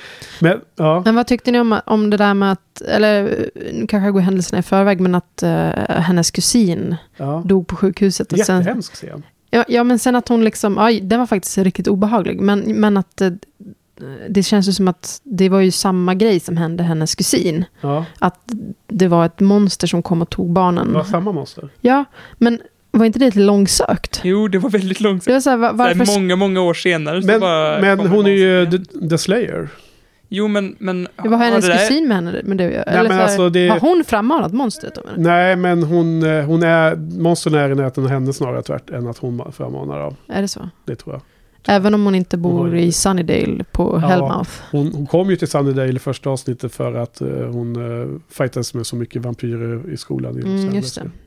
Men hur hänger det ihop då? För jag, Ja. jag, är ju den här liksom, jag söker ju hela tiden någon slags logik i att Ja. dels i de här avsnitten som vi har sett nu, att det liksom är olika monster som kommer upp hela tiden. Och då har jag tänkt så okej, men det är väl för att de bor där i det här. På Alltså de här- vilar ovanpå Ja. det som kallas för Hellmouth. Ja, Liksom så. Men om hon nu har bott någon annanstans, Ja. och det har varit samma sak där liksom. Ja. alltså det finns väl eh, demoner på hela jorden men det finns en högre koncentration i Sunnydale. Mm. Men kan inte, det kan inte vara så att hon har släkt till Sunnydale också? Det på. vet man ju inte, det förklaras ju inte här. Kusinen kanske var exakt på det här sjukhuset. Ja. ja, men det känns som det nästan måste vara vad det sjukhuset. Eller? Det kan, alltså... Ja, det, eh, jag tänkte också på det. i Men ser ni någon så här större symbolik kring att, för det, det kändes som att, ah, okej, det, kan, det handlar om att Buffy har ett barndomstrauma, men sa det någonting om henne eh, mer, liksom, utöver det? Alltså, liksom? det att la det till någonting Men- till men hennes jag- karaktär? Jag är nästan helt säker på att hon har sagt flera gånger om att, att hon gillar inte sjukhus tidigare Ja. i serien. Kan du verifiera det Johan? Nej, det kommer Jag har för mig att hon sagt att uh, hospitals give me the willis och sådana saker. Ja. Eh, Jo, men tillför kanske- liksom den här rädslan för sjukhus, eller den här händelsen i hennes barndom någonting till henne som person? Eh, nej, det, vad jag menar då, att så vad skulle det kunna vara en förklaring till varför hon... De har refererat till det tidigare och nu får vi se lite förklaringar Ja. till det. Sen om det tillför så mycket vet jag inte riktigt mer än att hon, hon gick ju inte till sjukhuset självmant. Hon fick ju bli ditsläpad av sina Mm. kompisar. Mm. Men däremot så var det ju så himla scary, eh, alltså sammanträffande med eh, nyheterna nu för tiden. Alltså, I det här avsnittet så ska man ju först tro att det är den här läkaren som gör konstiga experiment. Mm. Det är ju så själva eh, svängningen är att först tror man är läkaren men sen egentligen är det ju ett monster. Mm. Men, men jag tänker på den här, eh, vad heter det, kirurgen på KI, den italienaren då, Mm. som sätter in sådana här konstgjorda mm, eh, luftstrupar på Mm. folk som är- verkar vara världens eh, Frankensteins eh, monsteroperationer. Ja. Och jag bara liksom satt och såg avsnittet här om dagen liksom och tänkte att det är precis som det är på nyheterna nu för tiden. Han håller på att göra experiment på de här barnen och de dör ju som flugor. Sen visade det sig att han var ju liksom god då typ så här och att det var, fanns verkligen ett monster. Så att, men det igen tror jag att hela, hela den här serien är lite som att eh, dina föräldrar säger, föräldrarna säger till barnen det finns inga monster under sängen. Men det Mm. finns ju visst det. Det här var ju till och med ett monster som bara barn kunde se. Och dessutom när de var sjuka. Och så blir de ju eh, dödade av monstret på det mest eh, fasansfulla sätt. Ja, jättevidrigt. Alltså de här ögonhålorna, eller ögonen som liksom kommer ut ur ögonhålorna och bara suger sig fast på pannan och bara... Suger upp hela livet. Och den här kusinen som, och man kunde inte ens se gärningsmannen fast barnet kunde inte röra Ja, sig. det nej, var ju liksom riktigt Det var, eh, men det var igen lite där känslan man har när man själv är i en mardröm och man inte kan röra sig. Ja. ta sig därifrån. Liksom. Men eh, det där du nämnde om att... Alltså det är ju fint att Buffy går in där till det här, den här pojken som verkar vara någon slags... Eh, ja, men han, han är en av de här barnen som säger att det kommer någon om natten. Liksom. Eh, och att hon säger till honom att jag vet att det finns monster. Liksom att, så här, Ja, hon, pratar säger till det. honom Ja. som eh, ingen annan vuxen. Liksom, Hon att, säger eh, precis tvärtom mm. vad man förväntar sig att den äldre personen säger i den Mm. scenen. Det är lite fint liksom, att, Ja, att hon står helt och hållet på barnens sida, för hon, har liksom, hon, hon vet att de finns där. ja. Eh, det här är ju ett ganska mycket Monster Week tycker jag. Och sen är det ändå som vanligt då otroligt bra eh, dialog och eh, jäkligt mycket humor emellan. Mm. Lade Mm. märke till det? Jag tänkte på, mm, jättekul när Giles säger till Cordelia, Ja. när de kommer till sjukhuset och alla har med sig presenter. Ja. Så ja. hon säger, nobody told me this was a, Ja. så här, typ att man ska ta med sig present. Och Ja. han bara, it's a tradition amongst people. Ja, among people, precis. Cornelia är är underbar att se. Jag har skrivit upp den, den kommentaren här också. Nobody told me I was supposed to bring a gift. I was out of the loop on gifts. It's, it's traditional among um, people. Um, Det finns ett annat tillfälle när Cordelia bara är helt klockren när de är utanför skolan och eh, hon bara... Maybe it wasn't death. Maybe it was something else. So this isn't about you being afraid of hospitals because your friend died and you want to conjure up a monster that you can fight so you can save everybody and not feel so helpless? Cordelia, have you actually ever heard of tact? Tact is just not saying true stuff. I'll pass. Hon bara säger sanningen rakt ut precis som den är. Mm. Och alla bara kollar helt chockat på henne för att hon, hon är så otaktisk. Mm. Men hon bara, hon, hon, hon bara liksom... eh, Hon står ju för det också. Hon står ju Mm. upp för det verkligen rakt Jag tycker ut. Cordelia, alltså hon är ju en av mina favoritkaraktärer. Jag älskar att hon är så taktlös. Ja men det är ju fasen nu high five på dig. Det är både Cordelia och Mr Giles. Ja, även, Och ändå tre av tio och sådana här betyg. ja men... eh, jag har lite Mm. svårt för både Cordelia och Sander faktiskt. Va? Bara för att de säger saker som så här, så där säger man ju inte. Ja. Sander säger i något avsnitt typ att ehm, eh, I told you so. När, när, jo, det var ju förra avsnittet tror jag. När, när Sander säger, "Men jag sa ju att han var elak. Jag har ju Mm, sagt det hela det. tiden. Ja. Så här, bara, men så, det är inte rätt läge att säga det där nu. Men är det inte det de försöker sälja in hela tiden? Att han är liksom lite awkward guy. I sådana I, lägen. jo, men det är en sak att vara awkward och en sak att vara känslokallt Ja. awkward. O, o, oskönt. Ja. Så jag tycker Ja, han, han kan väl ändå få ha det med tanke på hur liksom, det, det fick lov att gå dit innan alla bara okej, men Angel är, han är en sucker liksom. Ja, du menar att han har lite... han förtjänade rätt. fan en, en Ja. så här, I told you so. Ja, Jag håller inte med. Men, jag- men jag tycker att det är... Jag, jag, så här, jag, jag är ju inget... Jag kommer ge det här dåligt betyg också. Ja. Ni kommer ju tycka att jag är bäng i Nej, huvudet. vilket betyg ger du? Nej, men jag ger det också här tre. Ja, ja, lika bra som Passionen då. Ja, men jag höjde den till fyra. Men alltså, men, men, jag ger också tre. men liksom... Ja, jag tycker, fyra har jag jag, skrivit. jag tycker ändå att liksom, ja, men styrkan med serien överlag är Ja. ju att alla karaktärer är så välskrivna och att de är så unika. Ja. Alltså typ att man, man kan inte så här... Det de säger för sin... Alltså varje karaktärs liksom, repliker är så signifikanta för dem. Ja. Man kan liksom inte skifta dem emellan sig. Nej, nej. Så, så kan man göra i viss, vissa andra serier, typ Friends var ju också ganska så här... Men man tycker att de är, så här, de är jätteolika, men, men ibland känns det som att de nästan byter, liksom, vem som helst kunde ha sagt den där roliga eh, Ja, ja. repliken. Men, Jag är inte jättestor fan av Friends. Så det är, Nej, jag, jag tycker det är kan kul. inte säga liksom. Men, men, men liksom här är det så himla eh, så här konstant hela tiden. Att så här, Ja. det Sanders säger är så himla Sander och det Ja. Willow, är Willow, säger Willow och. Giles, Giles. Alltså så här, de är så Ja. extremt eh, starka i sina karaktärer. Liksom. Ja. ja. Du säger också trea Johan. Ja. Ja. Ja, jag jag, jag eh, plittar ner en fyra här faktiskt. Det är, det är inget starkt avsnitt generellt sett. Jag tycker att det är under halvan. Men jag tycker att det finns flera scener med Cordelia som är så himla roliga så att det liksom är värt minst ett betyg bara i sig. Ja, men det är så, det är så, det kommer ju också direkt efter pa- Passion. Ja, det är Och- svårt, ja. Ja, det är svårt. men och här är det så himla, det, händer, det, som händer, det som hände i avsnittet efter, det spelar ingen roll vad som har hänt i, i det här avsnittet, för det är ingen karaktärsutveckling eller någonting. Man Nej. fick veta lite om, om Buffys bakgrund, men det spelar ju ingen roll överhuvudtaget egentligen. Nej, det är då svårt att hitta den här jättestora mm, eh, alltså, betydelsen av den där erfarenheten från barndomen. Jag menar, så att jag håller med. Det, det är ett eh, mellanavsnitt, lite, lite mm, hämta sig efter stormen kanske, som var avsnittet innan. Eh, om vi skulle kunna ha, vi lägga upp fler klipp på eh, hemsidan så skulle jag ju gärna lägga upp det här roliga klippet från eh, eh, sjukhussalen när Sounds like a plan. Of course, if I find anything, I won't know what it means, so will. Oh, yeah, I'm good at medical stuff. Xander and I used to play doctor all the time. No, she's being literal. She used to have all these medical volumes uh, and diagnosed me with stuff. I didn't have the heart to tell her she was playing it wrong. Wrong? Why? How did you play doctor? I never have. Sander säger någonting om att han och Willow hade lekt doktor mycket innan unga. Och Willow får helt plötsligt reda på att det inte var att leka doktor betyder något annat än vad hon, vad hon förstod det som. Och minspelet mellan Buffy, Mr. Giles och Cordelia där fram och tillbaks är ju så jäkla bra. Så går det att hitta den på YouTube Johan, då måste vi lägga in den på hemsidan. Mm, Den, den är inte rolig heller som ljudklipp tyvärr, utan det är ju minerna där som är roliga. Ja, men så jag, jag gav den fyra faktiskt, men jag håller helt med om att det här är egentligen eh, lite svagare. Så eh, jag tycker vi eh, hoppar vidare. Ja. Och eh, då blir det ju nummer 19 får jag det till va? Mm.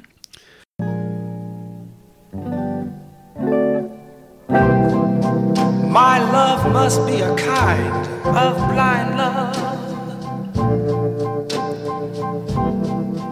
I can't see anyone but you.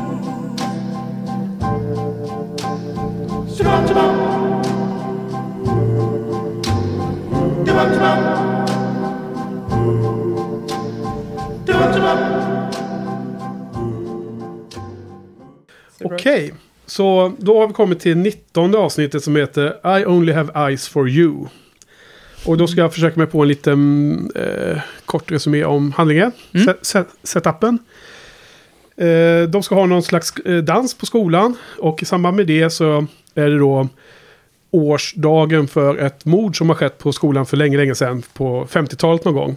Och det är då en eh, kille, en elev som hade ett förhållande med en kvinnlig lärarinna som då inte skulle funka. På grund av åldersskillnad och alla de här grejerna. Och eh, så hon lärarinnan ska göra slut med den här eh, killen och eh, i, i eh, svartsjuka, vrede, eh, ångest eller vad det nu än är.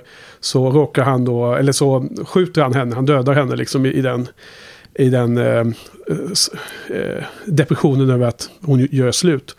Och han, han är då kvar där i skolan som en, ett spöke. För att han ångrar sig så mycket och han vill ha förlåtelse. Så att avsnittet handlar om hur det här spöket hemsöker olika individer på skolan och The Scooby Gang försöker lösa problemet och hela temat där och hela egentligen eh, innehållet i avsnittet handlar egentligen om konceptet att eh, få förlåtelse och vara värd att få förlåtelse. Och det egentligen handlar om Buffys eh, att hon vill få bli förlåten över vad hon har gjort, skapat Angel med den här aktiviteten. Ja. Birthday sex. Yes.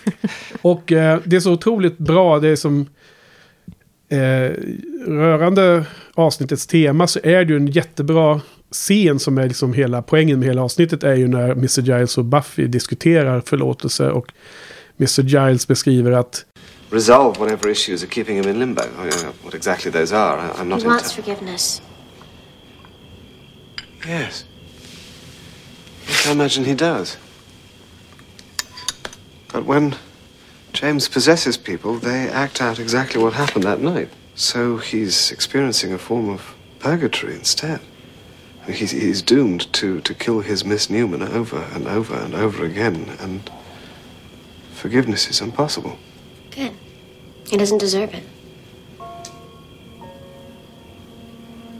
To forgive is an act of compassion, Buffy. It's, it's, it's not done because people deserve it, it's done because they need it. No. James destroyed the one person he loved the most in a moment of blind passion. And that's not something you forgive. No matter why he did what he did, and no matter if he knows now that it was wrong and selfish and stupid, it is just something he's gonna have to live with. förlåtelse ges inte till den som förtjänar det utan till den som behöver det.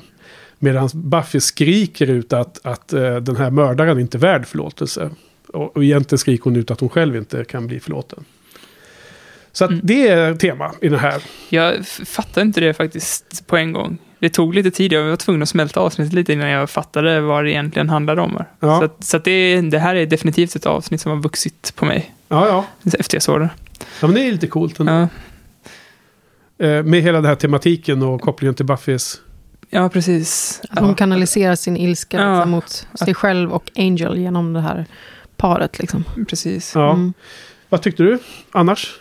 Eller du, eh, Cecilia? Ehm, jag tyckte att det var, det fanns en hel del liksom, som man reflekterade över i alla fall. Ja, Jag ska inte avslöja betyget riktigt än. nej. Nej, men jag tyckte att det var, alltså... Men jag, jag tyckte att det var ganska uppenbart liksom att, att hon, varför Buffy var så himla eh, arg på det här spöket, varför hon inte tyckte att han förtjänade förlåtelse. Fast jag, någonstans, jag tänkte nog först att hon liksom inte, för att hon ident- identifierar sig till slut med han killen som skjuter sin Ja. flickvän då. Ja. Eftersom eh, hon, eh, får man spoila sånt vad som händer? Ja, I, i att hon skjuter ju ja, Ja, det får man göra. I det här avsnittet, Ja, ja, om man spoilar. Ja. Ja. men inte framåt. För hon, hon skjuter ju Angel. För att Ja. när de är i slutändan där så säger de i skolan och eh, då väljer ju det här killspöket att gå upp i Buffy och ta över hennes kropp. För det är ju det som har hänt med de andra precis, tidigare. Men du måste, ja, Mm. håll den tanken. Kom, kom till alltså det här är ju, det här är egentligen det, det som är elegant med hela avsnittet. Det är ju att den här, det här spöket, den här killen, mördaren, han som mördar sin äh, älskarinna slash lär, lärarinna. Han eh, hoppar in i andra män som då blir besatta av spöket och utför samma dåd mot sina Mm. nuvarande flickvänner. Eller bara någon som råkar vara i närheten väl? Ja, Ja. precis. Den Alltså det här, är eh, inte ens... Ja. Det är han John Hawkes för övrigt, en väldigt bra skådespelare som spelar den här eh, eh, vaktmästaren som blir besatt i en Mm. scen. Just Är det han i med Marge? Ja, jag skrev upp det här för jag glömmer alltid May. Marlene. Martha, Martha Marcy May May- Marlene. Ja, det tänkte jag inte på. Det är inte han också med i den här... Uh, Eh, den här- Me, You and Everyone Ja, I Know. exakt. Absolut. I båda dessa filmer är han med. Och han är ju superbra. Mm. Han spelar ju där. Och det här händer ju och vad de säger är ju att han kan, han, han sö- det här spöket, den här pojken som gjorde mordet, eller utförde mordet. Han söker ju förlåtelse från sitt offer. Mm. Men det kan ju aldrig ske för varje gång han försöker återupprepa det här så dör ju Mm. tjejen. Så att hon kan ju aldrig ge förlåtelse. Och sen är ju den här ganska eleganta switchen att istället för att Angel skulle vara mördaren och Buffy skulle bli offret så har de ju bytt där. Mm. Så när, Ja, det var lite oväntat. För de, Ja, de pratade fortsätt om det innan, för att vi vet, alltså så här, Buffy går ju till skolan för att hon ska, så här, hon ska ta tag i det här själv. Liksom. Och Ja. skolan är utrymd för att, det blivit för att eh, besvär, det är väl en massor med mordplats, getingar som... ja, just det, det det är massa getingar. har, eh, hela, hela skolan är ju eh, täckt av ett moln av getingar. Mm. Som man, och Men hon- Buffy rusar dit för att hon ska bara save the day som vanligt va? Ja, men Något exakt. sånt. Hon vill ta, liksom, deala med det här spöket. Ja, för hon är så förbannad på honom. Ja, och då kommer väl de andra på liksom, samtidigt att ja, men, det kanske inte är någon fara för hon är där själv. Det kommer inte finnas någon annan att, eh, för spöket att gå upp i liksom, och utföra dåligt mot. Ja, Men så liksom, klipper man ju nästan direkt till det och så, så, så, så dyker ju Angel upp. ja. Och då fattar man ju direkt att okej, men då kommer han... Då tänker man att spöket ska liksom ta Angels Angel, ja. kropp i besittning och eh, döda Buffy då. ja. Men så blir... Joss Wist Varning, varning, varning. Men det blir, så blir det inte riktigt. Men så blir det inte. Och så istället så är det Buffy som eh, då dödar Angel. Ja, Och det var faktiskt, även om jag eh, ju hatar Angel, eller, men jag tycker att han är ganska värdelös. Liksom. ja, på grund av skådespelaren eller på grund av karaktären? Både och. Jag tycker Okej. att det är en överspelad karaktär. Alltså jag tycker att karaktären är så pass ond att, man, att han blir ointressant. Mm. Men här så när han går upp i den här rollen som flickvännen då, Ja. så blir ju han en helt annan person såklart. Ja, Han blir ju henne och då, då tycker jag faktiskt att det blir lite intressant och jag tycker att kyssen mellan dem, ja men där känner jag faktiskt någonting Ja. för, för liksom deras historia. Eh, och, eh, men men liksom jag, sen skjuter ju hon honom och jag, ja men det var, det var liksom surprise. Det He went, he went OJ, OJ on. Ja. ja. det är en jätterolig eh, eh, kult, eh, Referens. Ja, referens där. Ja. Men, men sen fattade inte jag riktigt, så här, jag Jo. kanske inte har lika bra koll på hela universet, för jag Ja. tänkte så här, vad händer med honom? Men han kan inte dö av en kula liksom. Nej, nej. Så att Alltså, han det- det- dör ju inte. Innan du ska få komma in här Johan. Alltså det, det, det är ju lite, här har de ju verkligen utnyttjat den väldigt välbyggda mytologin av, som, fin, som, som vi befinner oss i. Mm. Alla världens regler. För att egentligen finns det ju två spöken. Det är ju även det offret, den kvinn, kvinnan som blir dödad. Hon, hon blir dödad om och om igen när hon Mm. finns i de här eh, tjejerna som då eh, blir besatta och de för, alltså spökena via sina nya kroppar i nutiden, de, de säger ju samma dialog som hände i, verklig, Mm. hände i historisk tid. Så att de återspelar samma scen om och om igen. Men eftersom Buffy får ju den här eh, killens eh, Roll. roll och hon hotar Angel som är tjejen, kvinnans roll och hon skjuter Angel och han faller ner precis som, som hänt. Men han kan ju inte dö av en kula.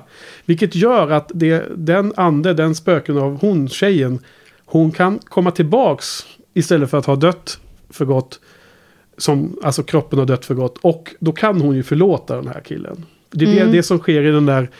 Alltså, för då har Angel Det var- jag- helt, försatt, helt besatt av den andra personen så är ju, är ju de liksom nice. Nicea dem igen.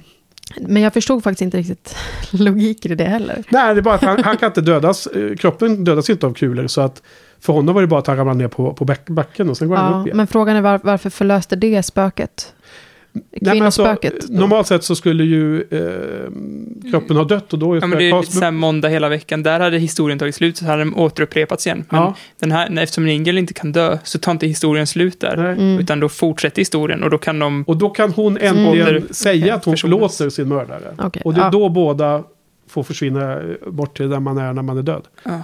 Så, att, så att det är lite lustigt. eh, Men det, det är inte heller en jätteviktig framtids... eh, Det är inte någonting som, som man bygger vidare hela serien på. Men jag tycker att det är ju liksom en, en liten så här förlösning av Buffys ångest över sin skuld i det hela. Ja. Jag tyckte också det var ett, ett så här, det var inte he- helt eh, random att han helt plötsligt valde Buffy för att eftersom hon kände så som hon kände inför hela den här Buffy-grejen tror jag att det här spöket då Ja. kunde identifiera sig med Buffy och Ja. valde att gå in i Buffy för att, för att de, han kände att eh, själen Hon matchade var också bättre. skuldtyngd. Ja. Mm. Men, men det är också lite den här eh, switchen mellan förväntningarna och att det, är lite, det känns lite, Ja. skönt när man ser, ja just det, men då har de hittills bytt på rollen. Mm. Man tänker, wow. Men också Och då det- förstår man ju också varför, varför Buffy var så arg hela tiden. Alltså det blir ju som att... För, Ja, för ja. jag tänkte Ni först att, nej, men jag, jag tänkte att först att hon var arg på den här snubben bara för att han sköt sin flickvän och hon Ja. kunde identifiera sig med att han, den här killen då skadade sin flickvän. Mm. Tänkte att det är därför hon är så förbannad, för hon kanaliserar sin ilska mot Angel, mot eh, den här killen. Men egentligen så är det sig själv hon är arg på. Ja. Ja. Och det är det som liksom klickar när, man, när hon går in i Mm. rollen som den här killen. Det är då man slutligen, i alla fall jag, fattade att liksom, Nej, det Ja, ah, är- hon, är, klickade liksom, efteråt, men- det är skuld, det, hon går runt och bär på så mycket skuld. Liksom. Eh, Jo, och eh, av de här fyra avsnitten så är det här det andra avsnittet som det finns en liten intervju med Joss på DVD-boxen. Mm. Och då pratar han om att det var ju den här avsnittet, den här scenen som han fick idén av att eh, han som spelar Angel med det här svårt namn att uttala, eh, David eh, B. Mr B får vi kalla honom. Att han skulle kunna eh, ha en helt egen serie då. För det finns ju en spin-off-serie som heter Mm. Angel. Och det är ju, det, det, den spoilern får vi säga i alla fall, det vet vi redan. Ja, Mm. det är svårt att undvika den spoilern. Det har ju du också redan sagt John, så, att i, så det vet vi ju. Mm. Så att, eh, jag vet inte jag, men i den scenen när han då inte är demon längre, utan han är egentligen eh, besatt av den här kvinnliga döda lärarinnan som då återuppstår i hans kropp. Så blir han ju ganska annorlunda. Han spelar ju ändå den scenen Mm. hyfsat bra tycker jag. Ja, och det... Alltså jag tänk, kan tänka mig att det var kanske också nödvändigt. För, alltså så här, det är som att man hela tiden måste påminnas om att Angel... En alltså att han är en... Man måste påmin, påminnas av hur han var innan han blev demon. Ja. Mm. Och det kanske också är ett trick liksom, för att Ja. få in...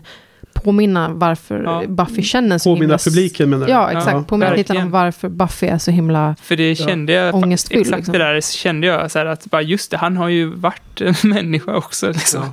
Och dessutom så var han ju bättre, det kändes, han kändes mer mänsklig i det här, där han spelade människa, eller hans Mm. kropp spelade människa, än när han faktiskt var en, eller inte människa, men en människovampyr. Ja, just det. Eh, Demon med Det, mänsklig... det kanske egentligen är så att han är en skitbra skådis. Ja, jag vet inte, alltså, nu vet jag inte om det här snackas om det tidigare, men jag för mig att det finns någon form av, eh, i mytologin, att dess, om man var väldigt god som vanlig människa innan man blev turned till Ja. en vampyr så blir man mer ond som vampyr eller så. Mhm. Jag kommer inte ihåg, men jag tror att det kan finnas något sånt i den här eh, mytologin också. Självutplånade, utplånande drag. Ja, men att det kanske, finns någon form av återgår. balans där. Men det, så kan det ju inte vara, för de här bröderna då, som dödade Mm. folk innan de blev vampyrer, de var ju inte Ja. helt jättesnälla. Nej, men de var kanske inte elaka ondast på samma sätt som Angelus är. De kanske Nej, mer var slabba på och döda folk, men är sant. de är kanske mer lika en, en, en mittenlinje. Exakt. Ja, det har du rätt i. Men jag tänkte också på att, eh, såg ni en liten återkoppling till eh, Passion här?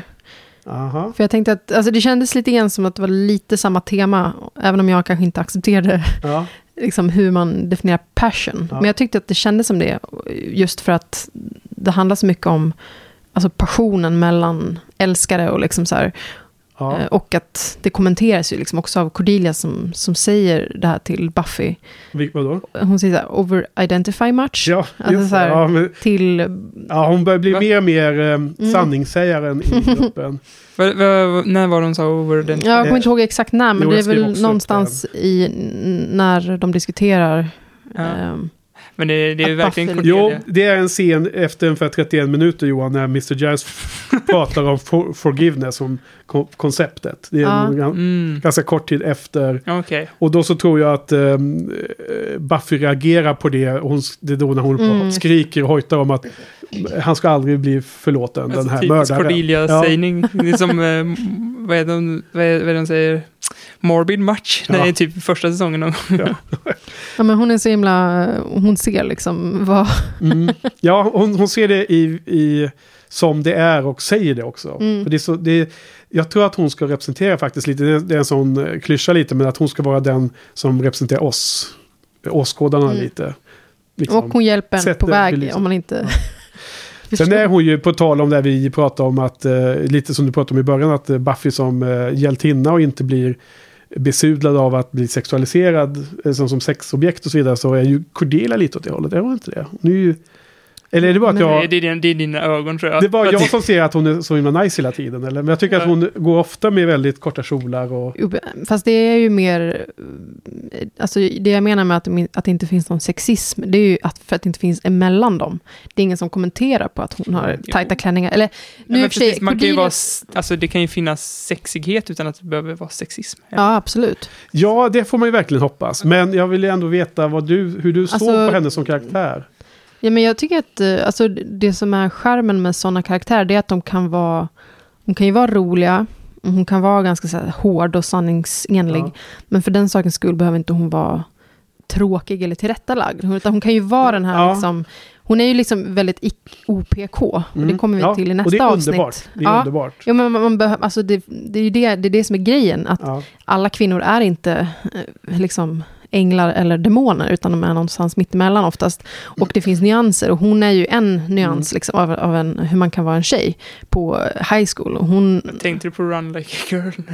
ja, exakt. Ja, men Ja. jag tänkte på det i nästa avsnitt, Ja. hur hon eh, eh, gör en jätte liksom upprepar det flera gånger. Liksom. Mm. Men det är ju i hennes karaktär, för hon är ju extremt eh, upptagen med utseende och sånt ändå. Och Ja, det tycker inte jag är alltså, någonting jag tycker som... Det, det, det är det som jag är så himla, Jag har så himla svårt ibland att kunna koda av vad som är över gränsen och inte. Och jag tycker Ja. att de spelar den rollen. Den rollen är väldigt mycket...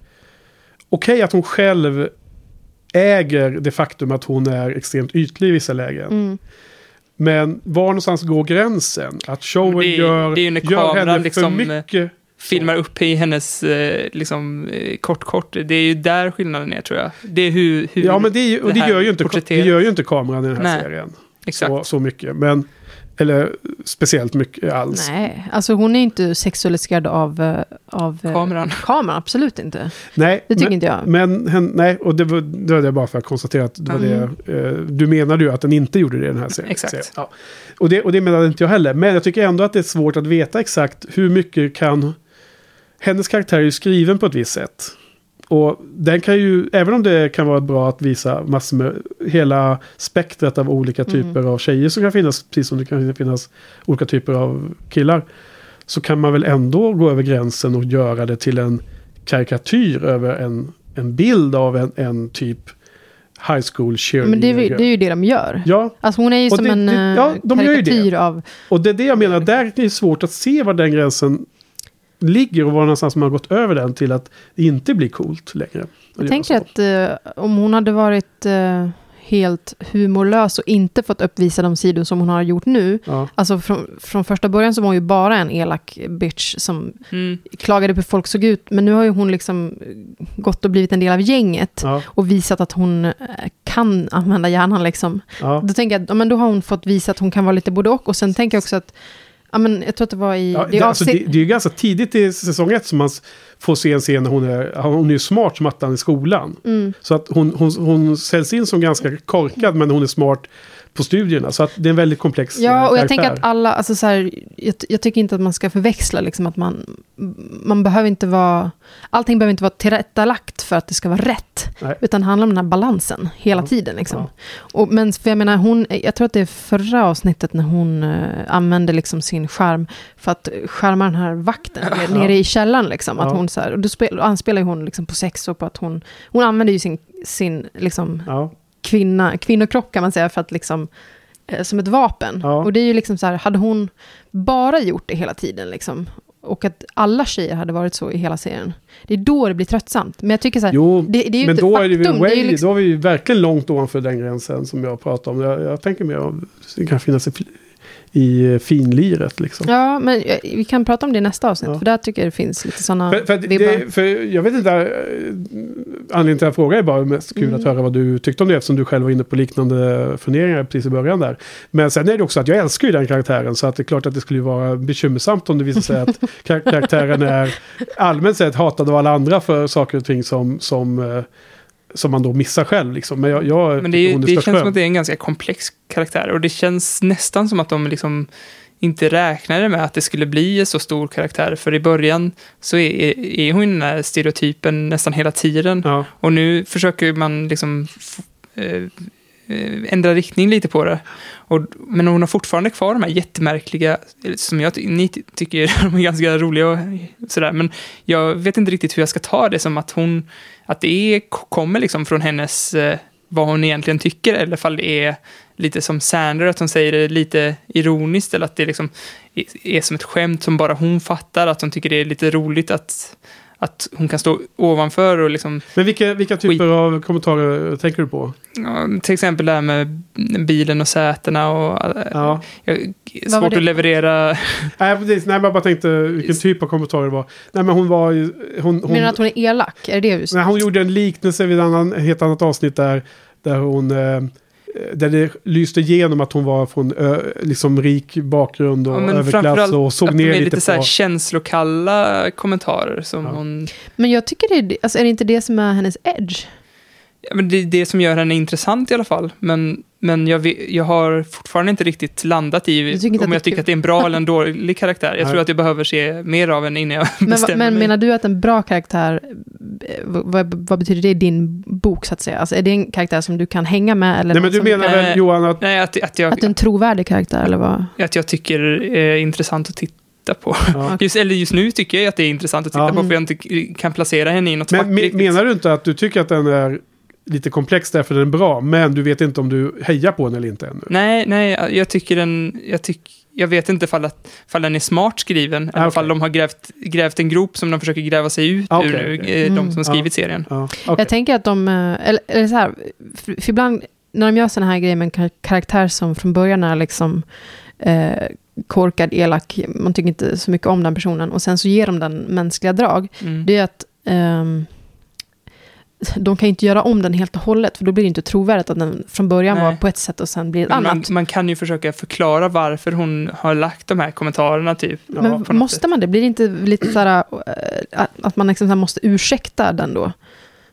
Eh, Alltså, jag tycker det- det- jag- jag de, har ju, ja. de har ju adresserat det i det här avsnittet som vi diskuterade förra veckan. När hon gör slut med Sander för att hon eh, faller tillbaka i det här att hon faller för grupptrycket och sina väninnor. Mm. Och sen så i det avsnittet så vänder det i slutet så då blir hon ihop med Sander igen. Och så säger hon det att nu kan jag vara ihop med dig, dig även om du är en nörd. För nu, Eller en nu, fisk. nu gör jag som jag vill ändå. Jaha, Ja, och det återkommer Ja. även i nästa avsnitt ju. Men det har ju redan Ja, varit i, det, i det avsnittet där... eh, Jo, men precis. med en the, kommentar var the ju love där. potion som Sander då försöker använda på henne. En kommentar som, jag, som är så klockren, det jag tänker på, det är i nästa avsnitt när hon säger att hoppas du inte kommer bli en sån här fiskmänniska, för att det, det räcker med att du är nörd, ska du bli fisk också. Ja. Så vet jag inte ifall hon tycker så på riktigt, eller ifall hon liksom överdriver en känsla, en känsla som hon har.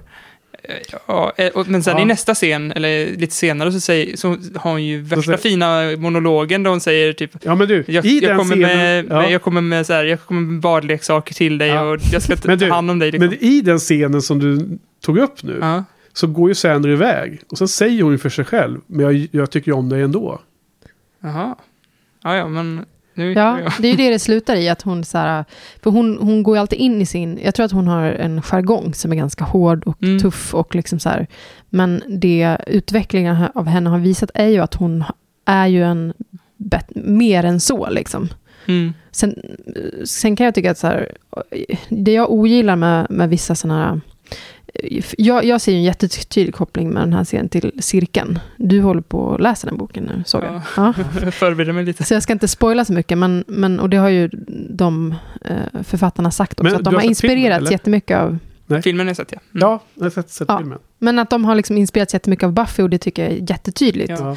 Just i hur de här eh, tjejerna är liksom mm, jätteolika varandra och vissa är bitchiga och vissa är liksom Ja. plugghäst och så vidare. Men, men eh, jag, jag tycker liksom att eh, det man, eller jag vet inte om man ska spola, men man, man får reda på vissa saker om de här personerna Ja. i cirkeln då.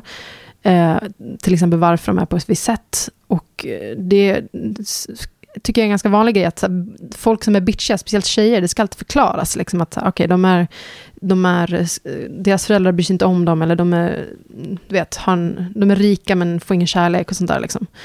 Eh, och det kan ju vara en förklaring, liksom, såklart. Men Jo, jag tycker att... Men jag tror, här, är det jag vet inte jag inte det, att det är det är bakgrundshistorien jag vill ha. Det kanske är mer så här att jag vill veta om hon skojar eller om hon Ja. eh, är allvarlig eller så här att jag, jag tror att jag inte jag- jag tror får att grepp om... Det är något vi, vad- vi får hålla koll på, spaning på framåt. Mm. Jag, tror att, jag tror att jag känner att, att hon håller på att ehm, for, formera sin roll i gänget under just de här avsnitten vi är mitt i nu. Mm. Det, det känns ganska tydligt.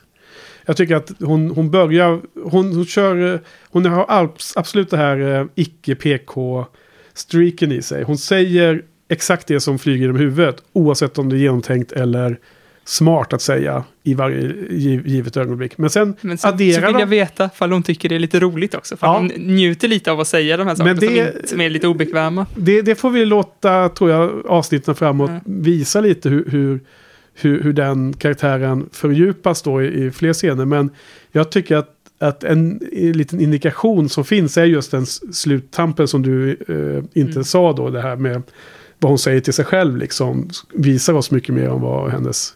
Om hon är på liksom the good side eller inte. Men det, fin det finns ju också en scen där hon kommer med mat till, till Sander. Eller det kom- kommer så här med donut och kaffe eller något sånt där. Ja. Och, och Sander bara tittar på henne. Det var där det första snälla du någonsin har gjort Ja. överhuvudtaget. Typ. Just det, när han, är- det är förra avsnittet när han sitter på sjukhuset tror jag. Ja. På natten. Eh, Nej, men vi måste gå vidare. Får jag Ja, bara vi. fråga en sak? Ja, Vad ja. tänkte ni om att Angel gick hem och våldtäktsduschade? Ja, efter... eh, Efter att han har haft den här hemska goda människans själ Ja, inne i sig. Så så går han liksom hem och så liksom Ja, ser han bara menar, så här, ja. så liksom så här, kastar vatten på sig bara. Ja, han säger också den här feeling, alltså bort med den här feelingen Ja. från human. Det roliga är att jag kollar ju på Netflix och Netflix översätter det som våldtäkt.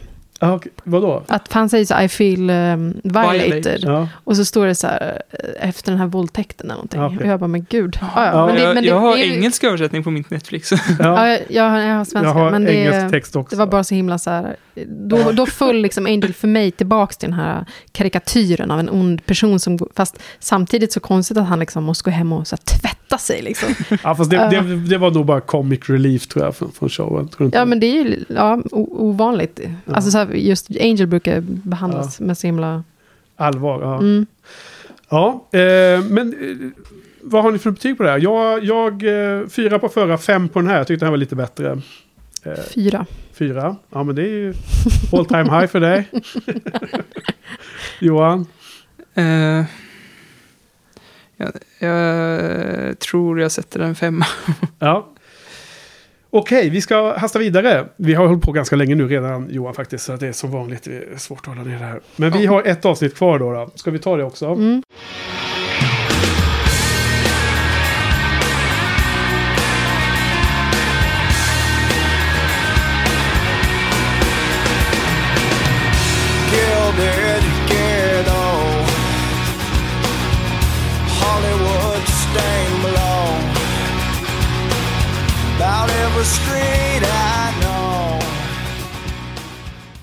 Nummer 20, Go Fish. Eh, Cecilia, vill du, eh, du har lite oplanerad eh, Ehm. resumé? Vad handlar det här om? Det handlar om att simlaget på skolan eh, blir, tar anabola steroider och blir förvandlade till monster. Ja, Eh, eh, fiskemonster. De tar steroider med, med fiskgener i, va? Ja, exakt. Som den här tränaren har planterat in. Ja. Eh, De bastar och så andas de in de här eh, steroiderna och Mm. leder väl kanske inte riktigt som planerat till att de här monstren kastar av sig människokroppen Ja, och eh, liksom går bananas i kloakerna och vill käka upp folk typ. Mm.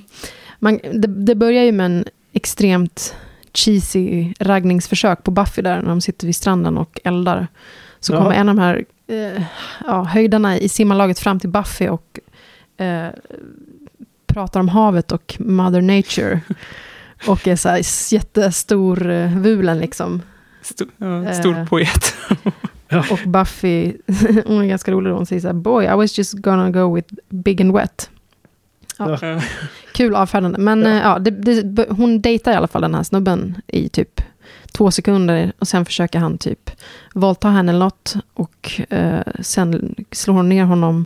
Och det är då de börjar liksom... alltså det är så Forska i det här. scen, bara, Ingen press, ingen press. Har du bh på dig? Ingen press. Ja. Vä- Vänta, vad sa du för någonting?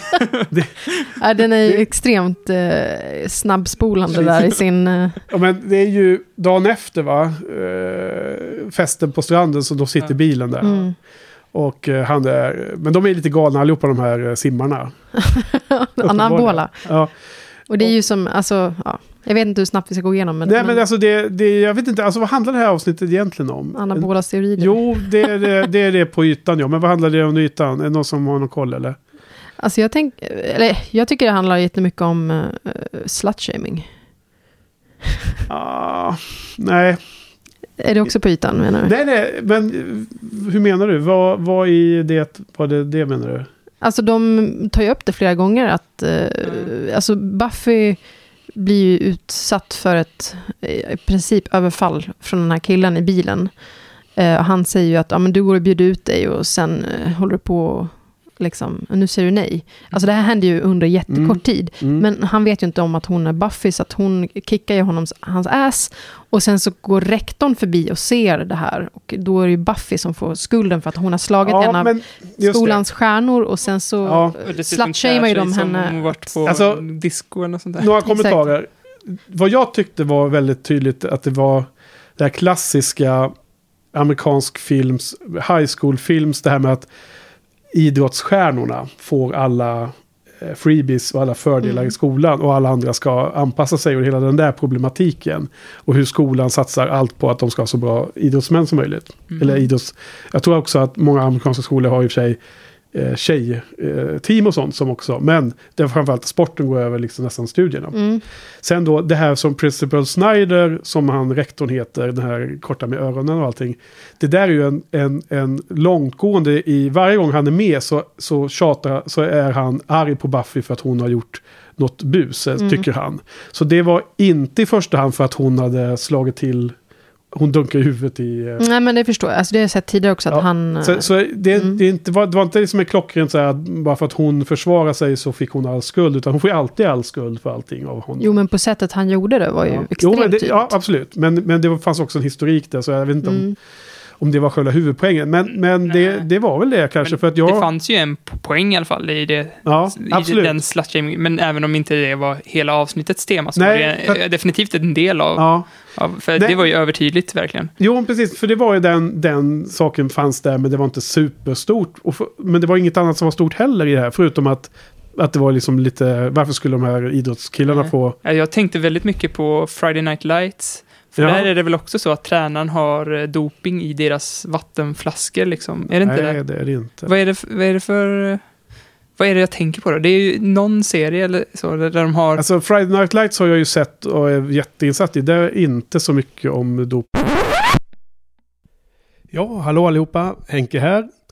Vad som hände här i inspelningen var att vårt minneskort tog slut. Lite olyckligtvis. Vi brukar normalt sett ha ett rejält stort minneskort, men det hade glömts eh, vid det här tillfället, så vi fick använda oss av eh, ett, ett för litet kort helt enkelt som tog slut. Så eh, diskussionen fortsatte en liten stund om GoFish, detta eh, avsnitt som vi var mitt inne och diskuterade. Och eh, efter ett tag så, så startade Johan eh, inspelningen direkt på datorn med lite mindre, eh, sämre mick och så vidare. Och här kommer den lilla biten som är avslutningen av poddavsnittet. Mycket nöje! Det, det skulle i så fall kunna vara en setup för det skämtet så här, när hon är i vattnet. Innan hon... Men Alltså- jag tänker det anspelar snarare på det han sa när Ja. han kastade ner henne. Jo, precis. Men, men, men, men ehm, då refererar hon till sin, eh, sitt rykte sen då. Och att det skulle funnits en sån setup för det, den frågan om ryktets... Ja, men hon tar ju udden av det hotet Ja. på något sätt. Liksom. Nej, men alltså, jag tror- aldrig se en gruppvåldtäkt i Buffy såklart. Liksom. Jag, jag, jag Men det är därför tyckte- jag tycker det är så malplacerat skämt. För Ja. det är så här, men gud. Liksom. Ja. Alltså, så här, jag tycker att det är väldigt konstigt att ta in den sexuella... Men jag, jag spelar in lite på datorn nu. Ska vi avsluta lite snabbt? Ja. Med kastljud? Men eh, pratar vi mot den? Ja, Ja. min dator pratar. Men ingen mick eller? Nej, nej, datormicken. Ja. Men nu har ju nu har ju minnet tagit slut i vår eh, eh, inspelning här. Så att eh, det lilla minnet som vi Ja. tyvärr var tvungna att använda Pratar för idag. mycket. Mm. Ja. Så vi ska wrap it up här då. Ja, ska vi ge betyg och... Ja, jag, jag, jag tyckte Go Fish var det sämsta som vi har sett nu. Eh, av de här fyra. Tre av tio sätter jag. Då äntligen sätter vi samma betyg. Ja, Nej, två har jag satt. två. Eh, jag sett också två. Det hade ju ändå eh, några... Eh, han Prison Break-killen var med. Ja.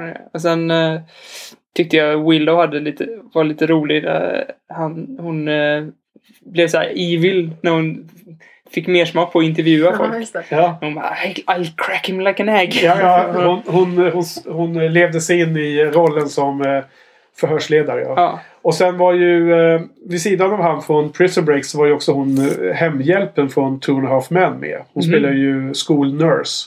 Oh, fan. Hon är Ja, lite okej. välväxta kvinnan som är med i den här right. komediserien.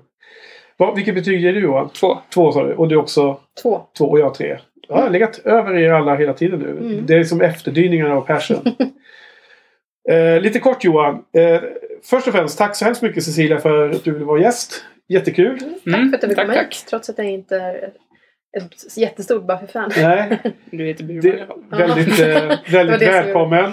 Oavsett. För det är massor med nya typer av infallsvinklar. Vi missade ju nu i glappet här när minnet tog slut, minneskortet tog slut en, en, en fortsatt diskussion om Go Fish och vad, vad det betydde egentligen så. Men det, Vi kanske kan ta det i kommentarerna på det här avsnittet. det Eh, kan vi låta... Där kan man läsa mer om vad Cecilia och Ja. vi tycker om eh, slut-shaming och annat. Jag tycker att eh, lyssnarna får skriva in i kommentarerna vad de tror att Go Fish handlar om egentligen. Ja. Och nu skulle jag bara säga att inför nästa vecka som är sista avsnittet på säsong två Johan. Då har vi de, de två sista avsnitten kvar och det är ett dubbelavsnitt som heter Becoming Mm. Part 1 and 2. Och sen ska vi också sammanfatta säsongen och ha vår topplista om fem favoritavsnitt. Mm. 1 till 5. Bra.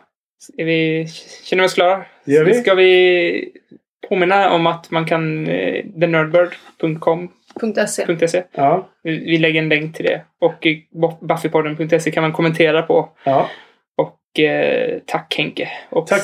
Cecilia. ja. Tack Johan. Tack Johan. Tack Henke. Tack Cecilia. Tack oss. Tack för oss.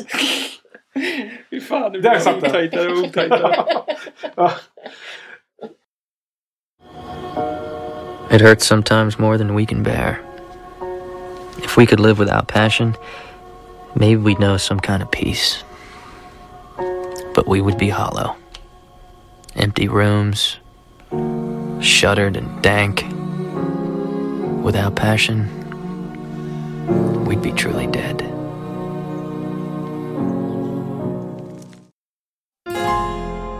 I'll protect you from the hooded claw. Keep the vampires from your door.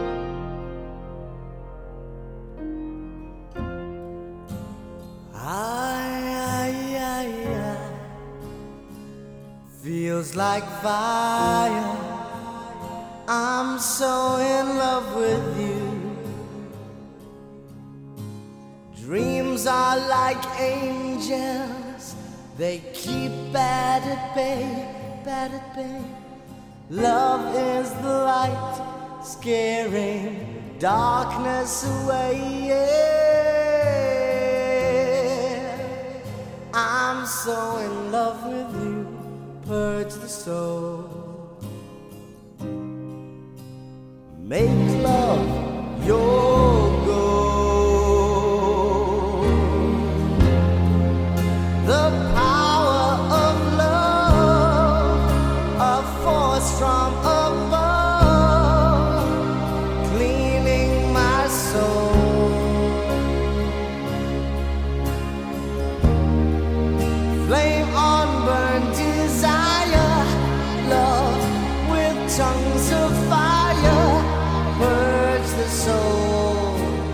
make love your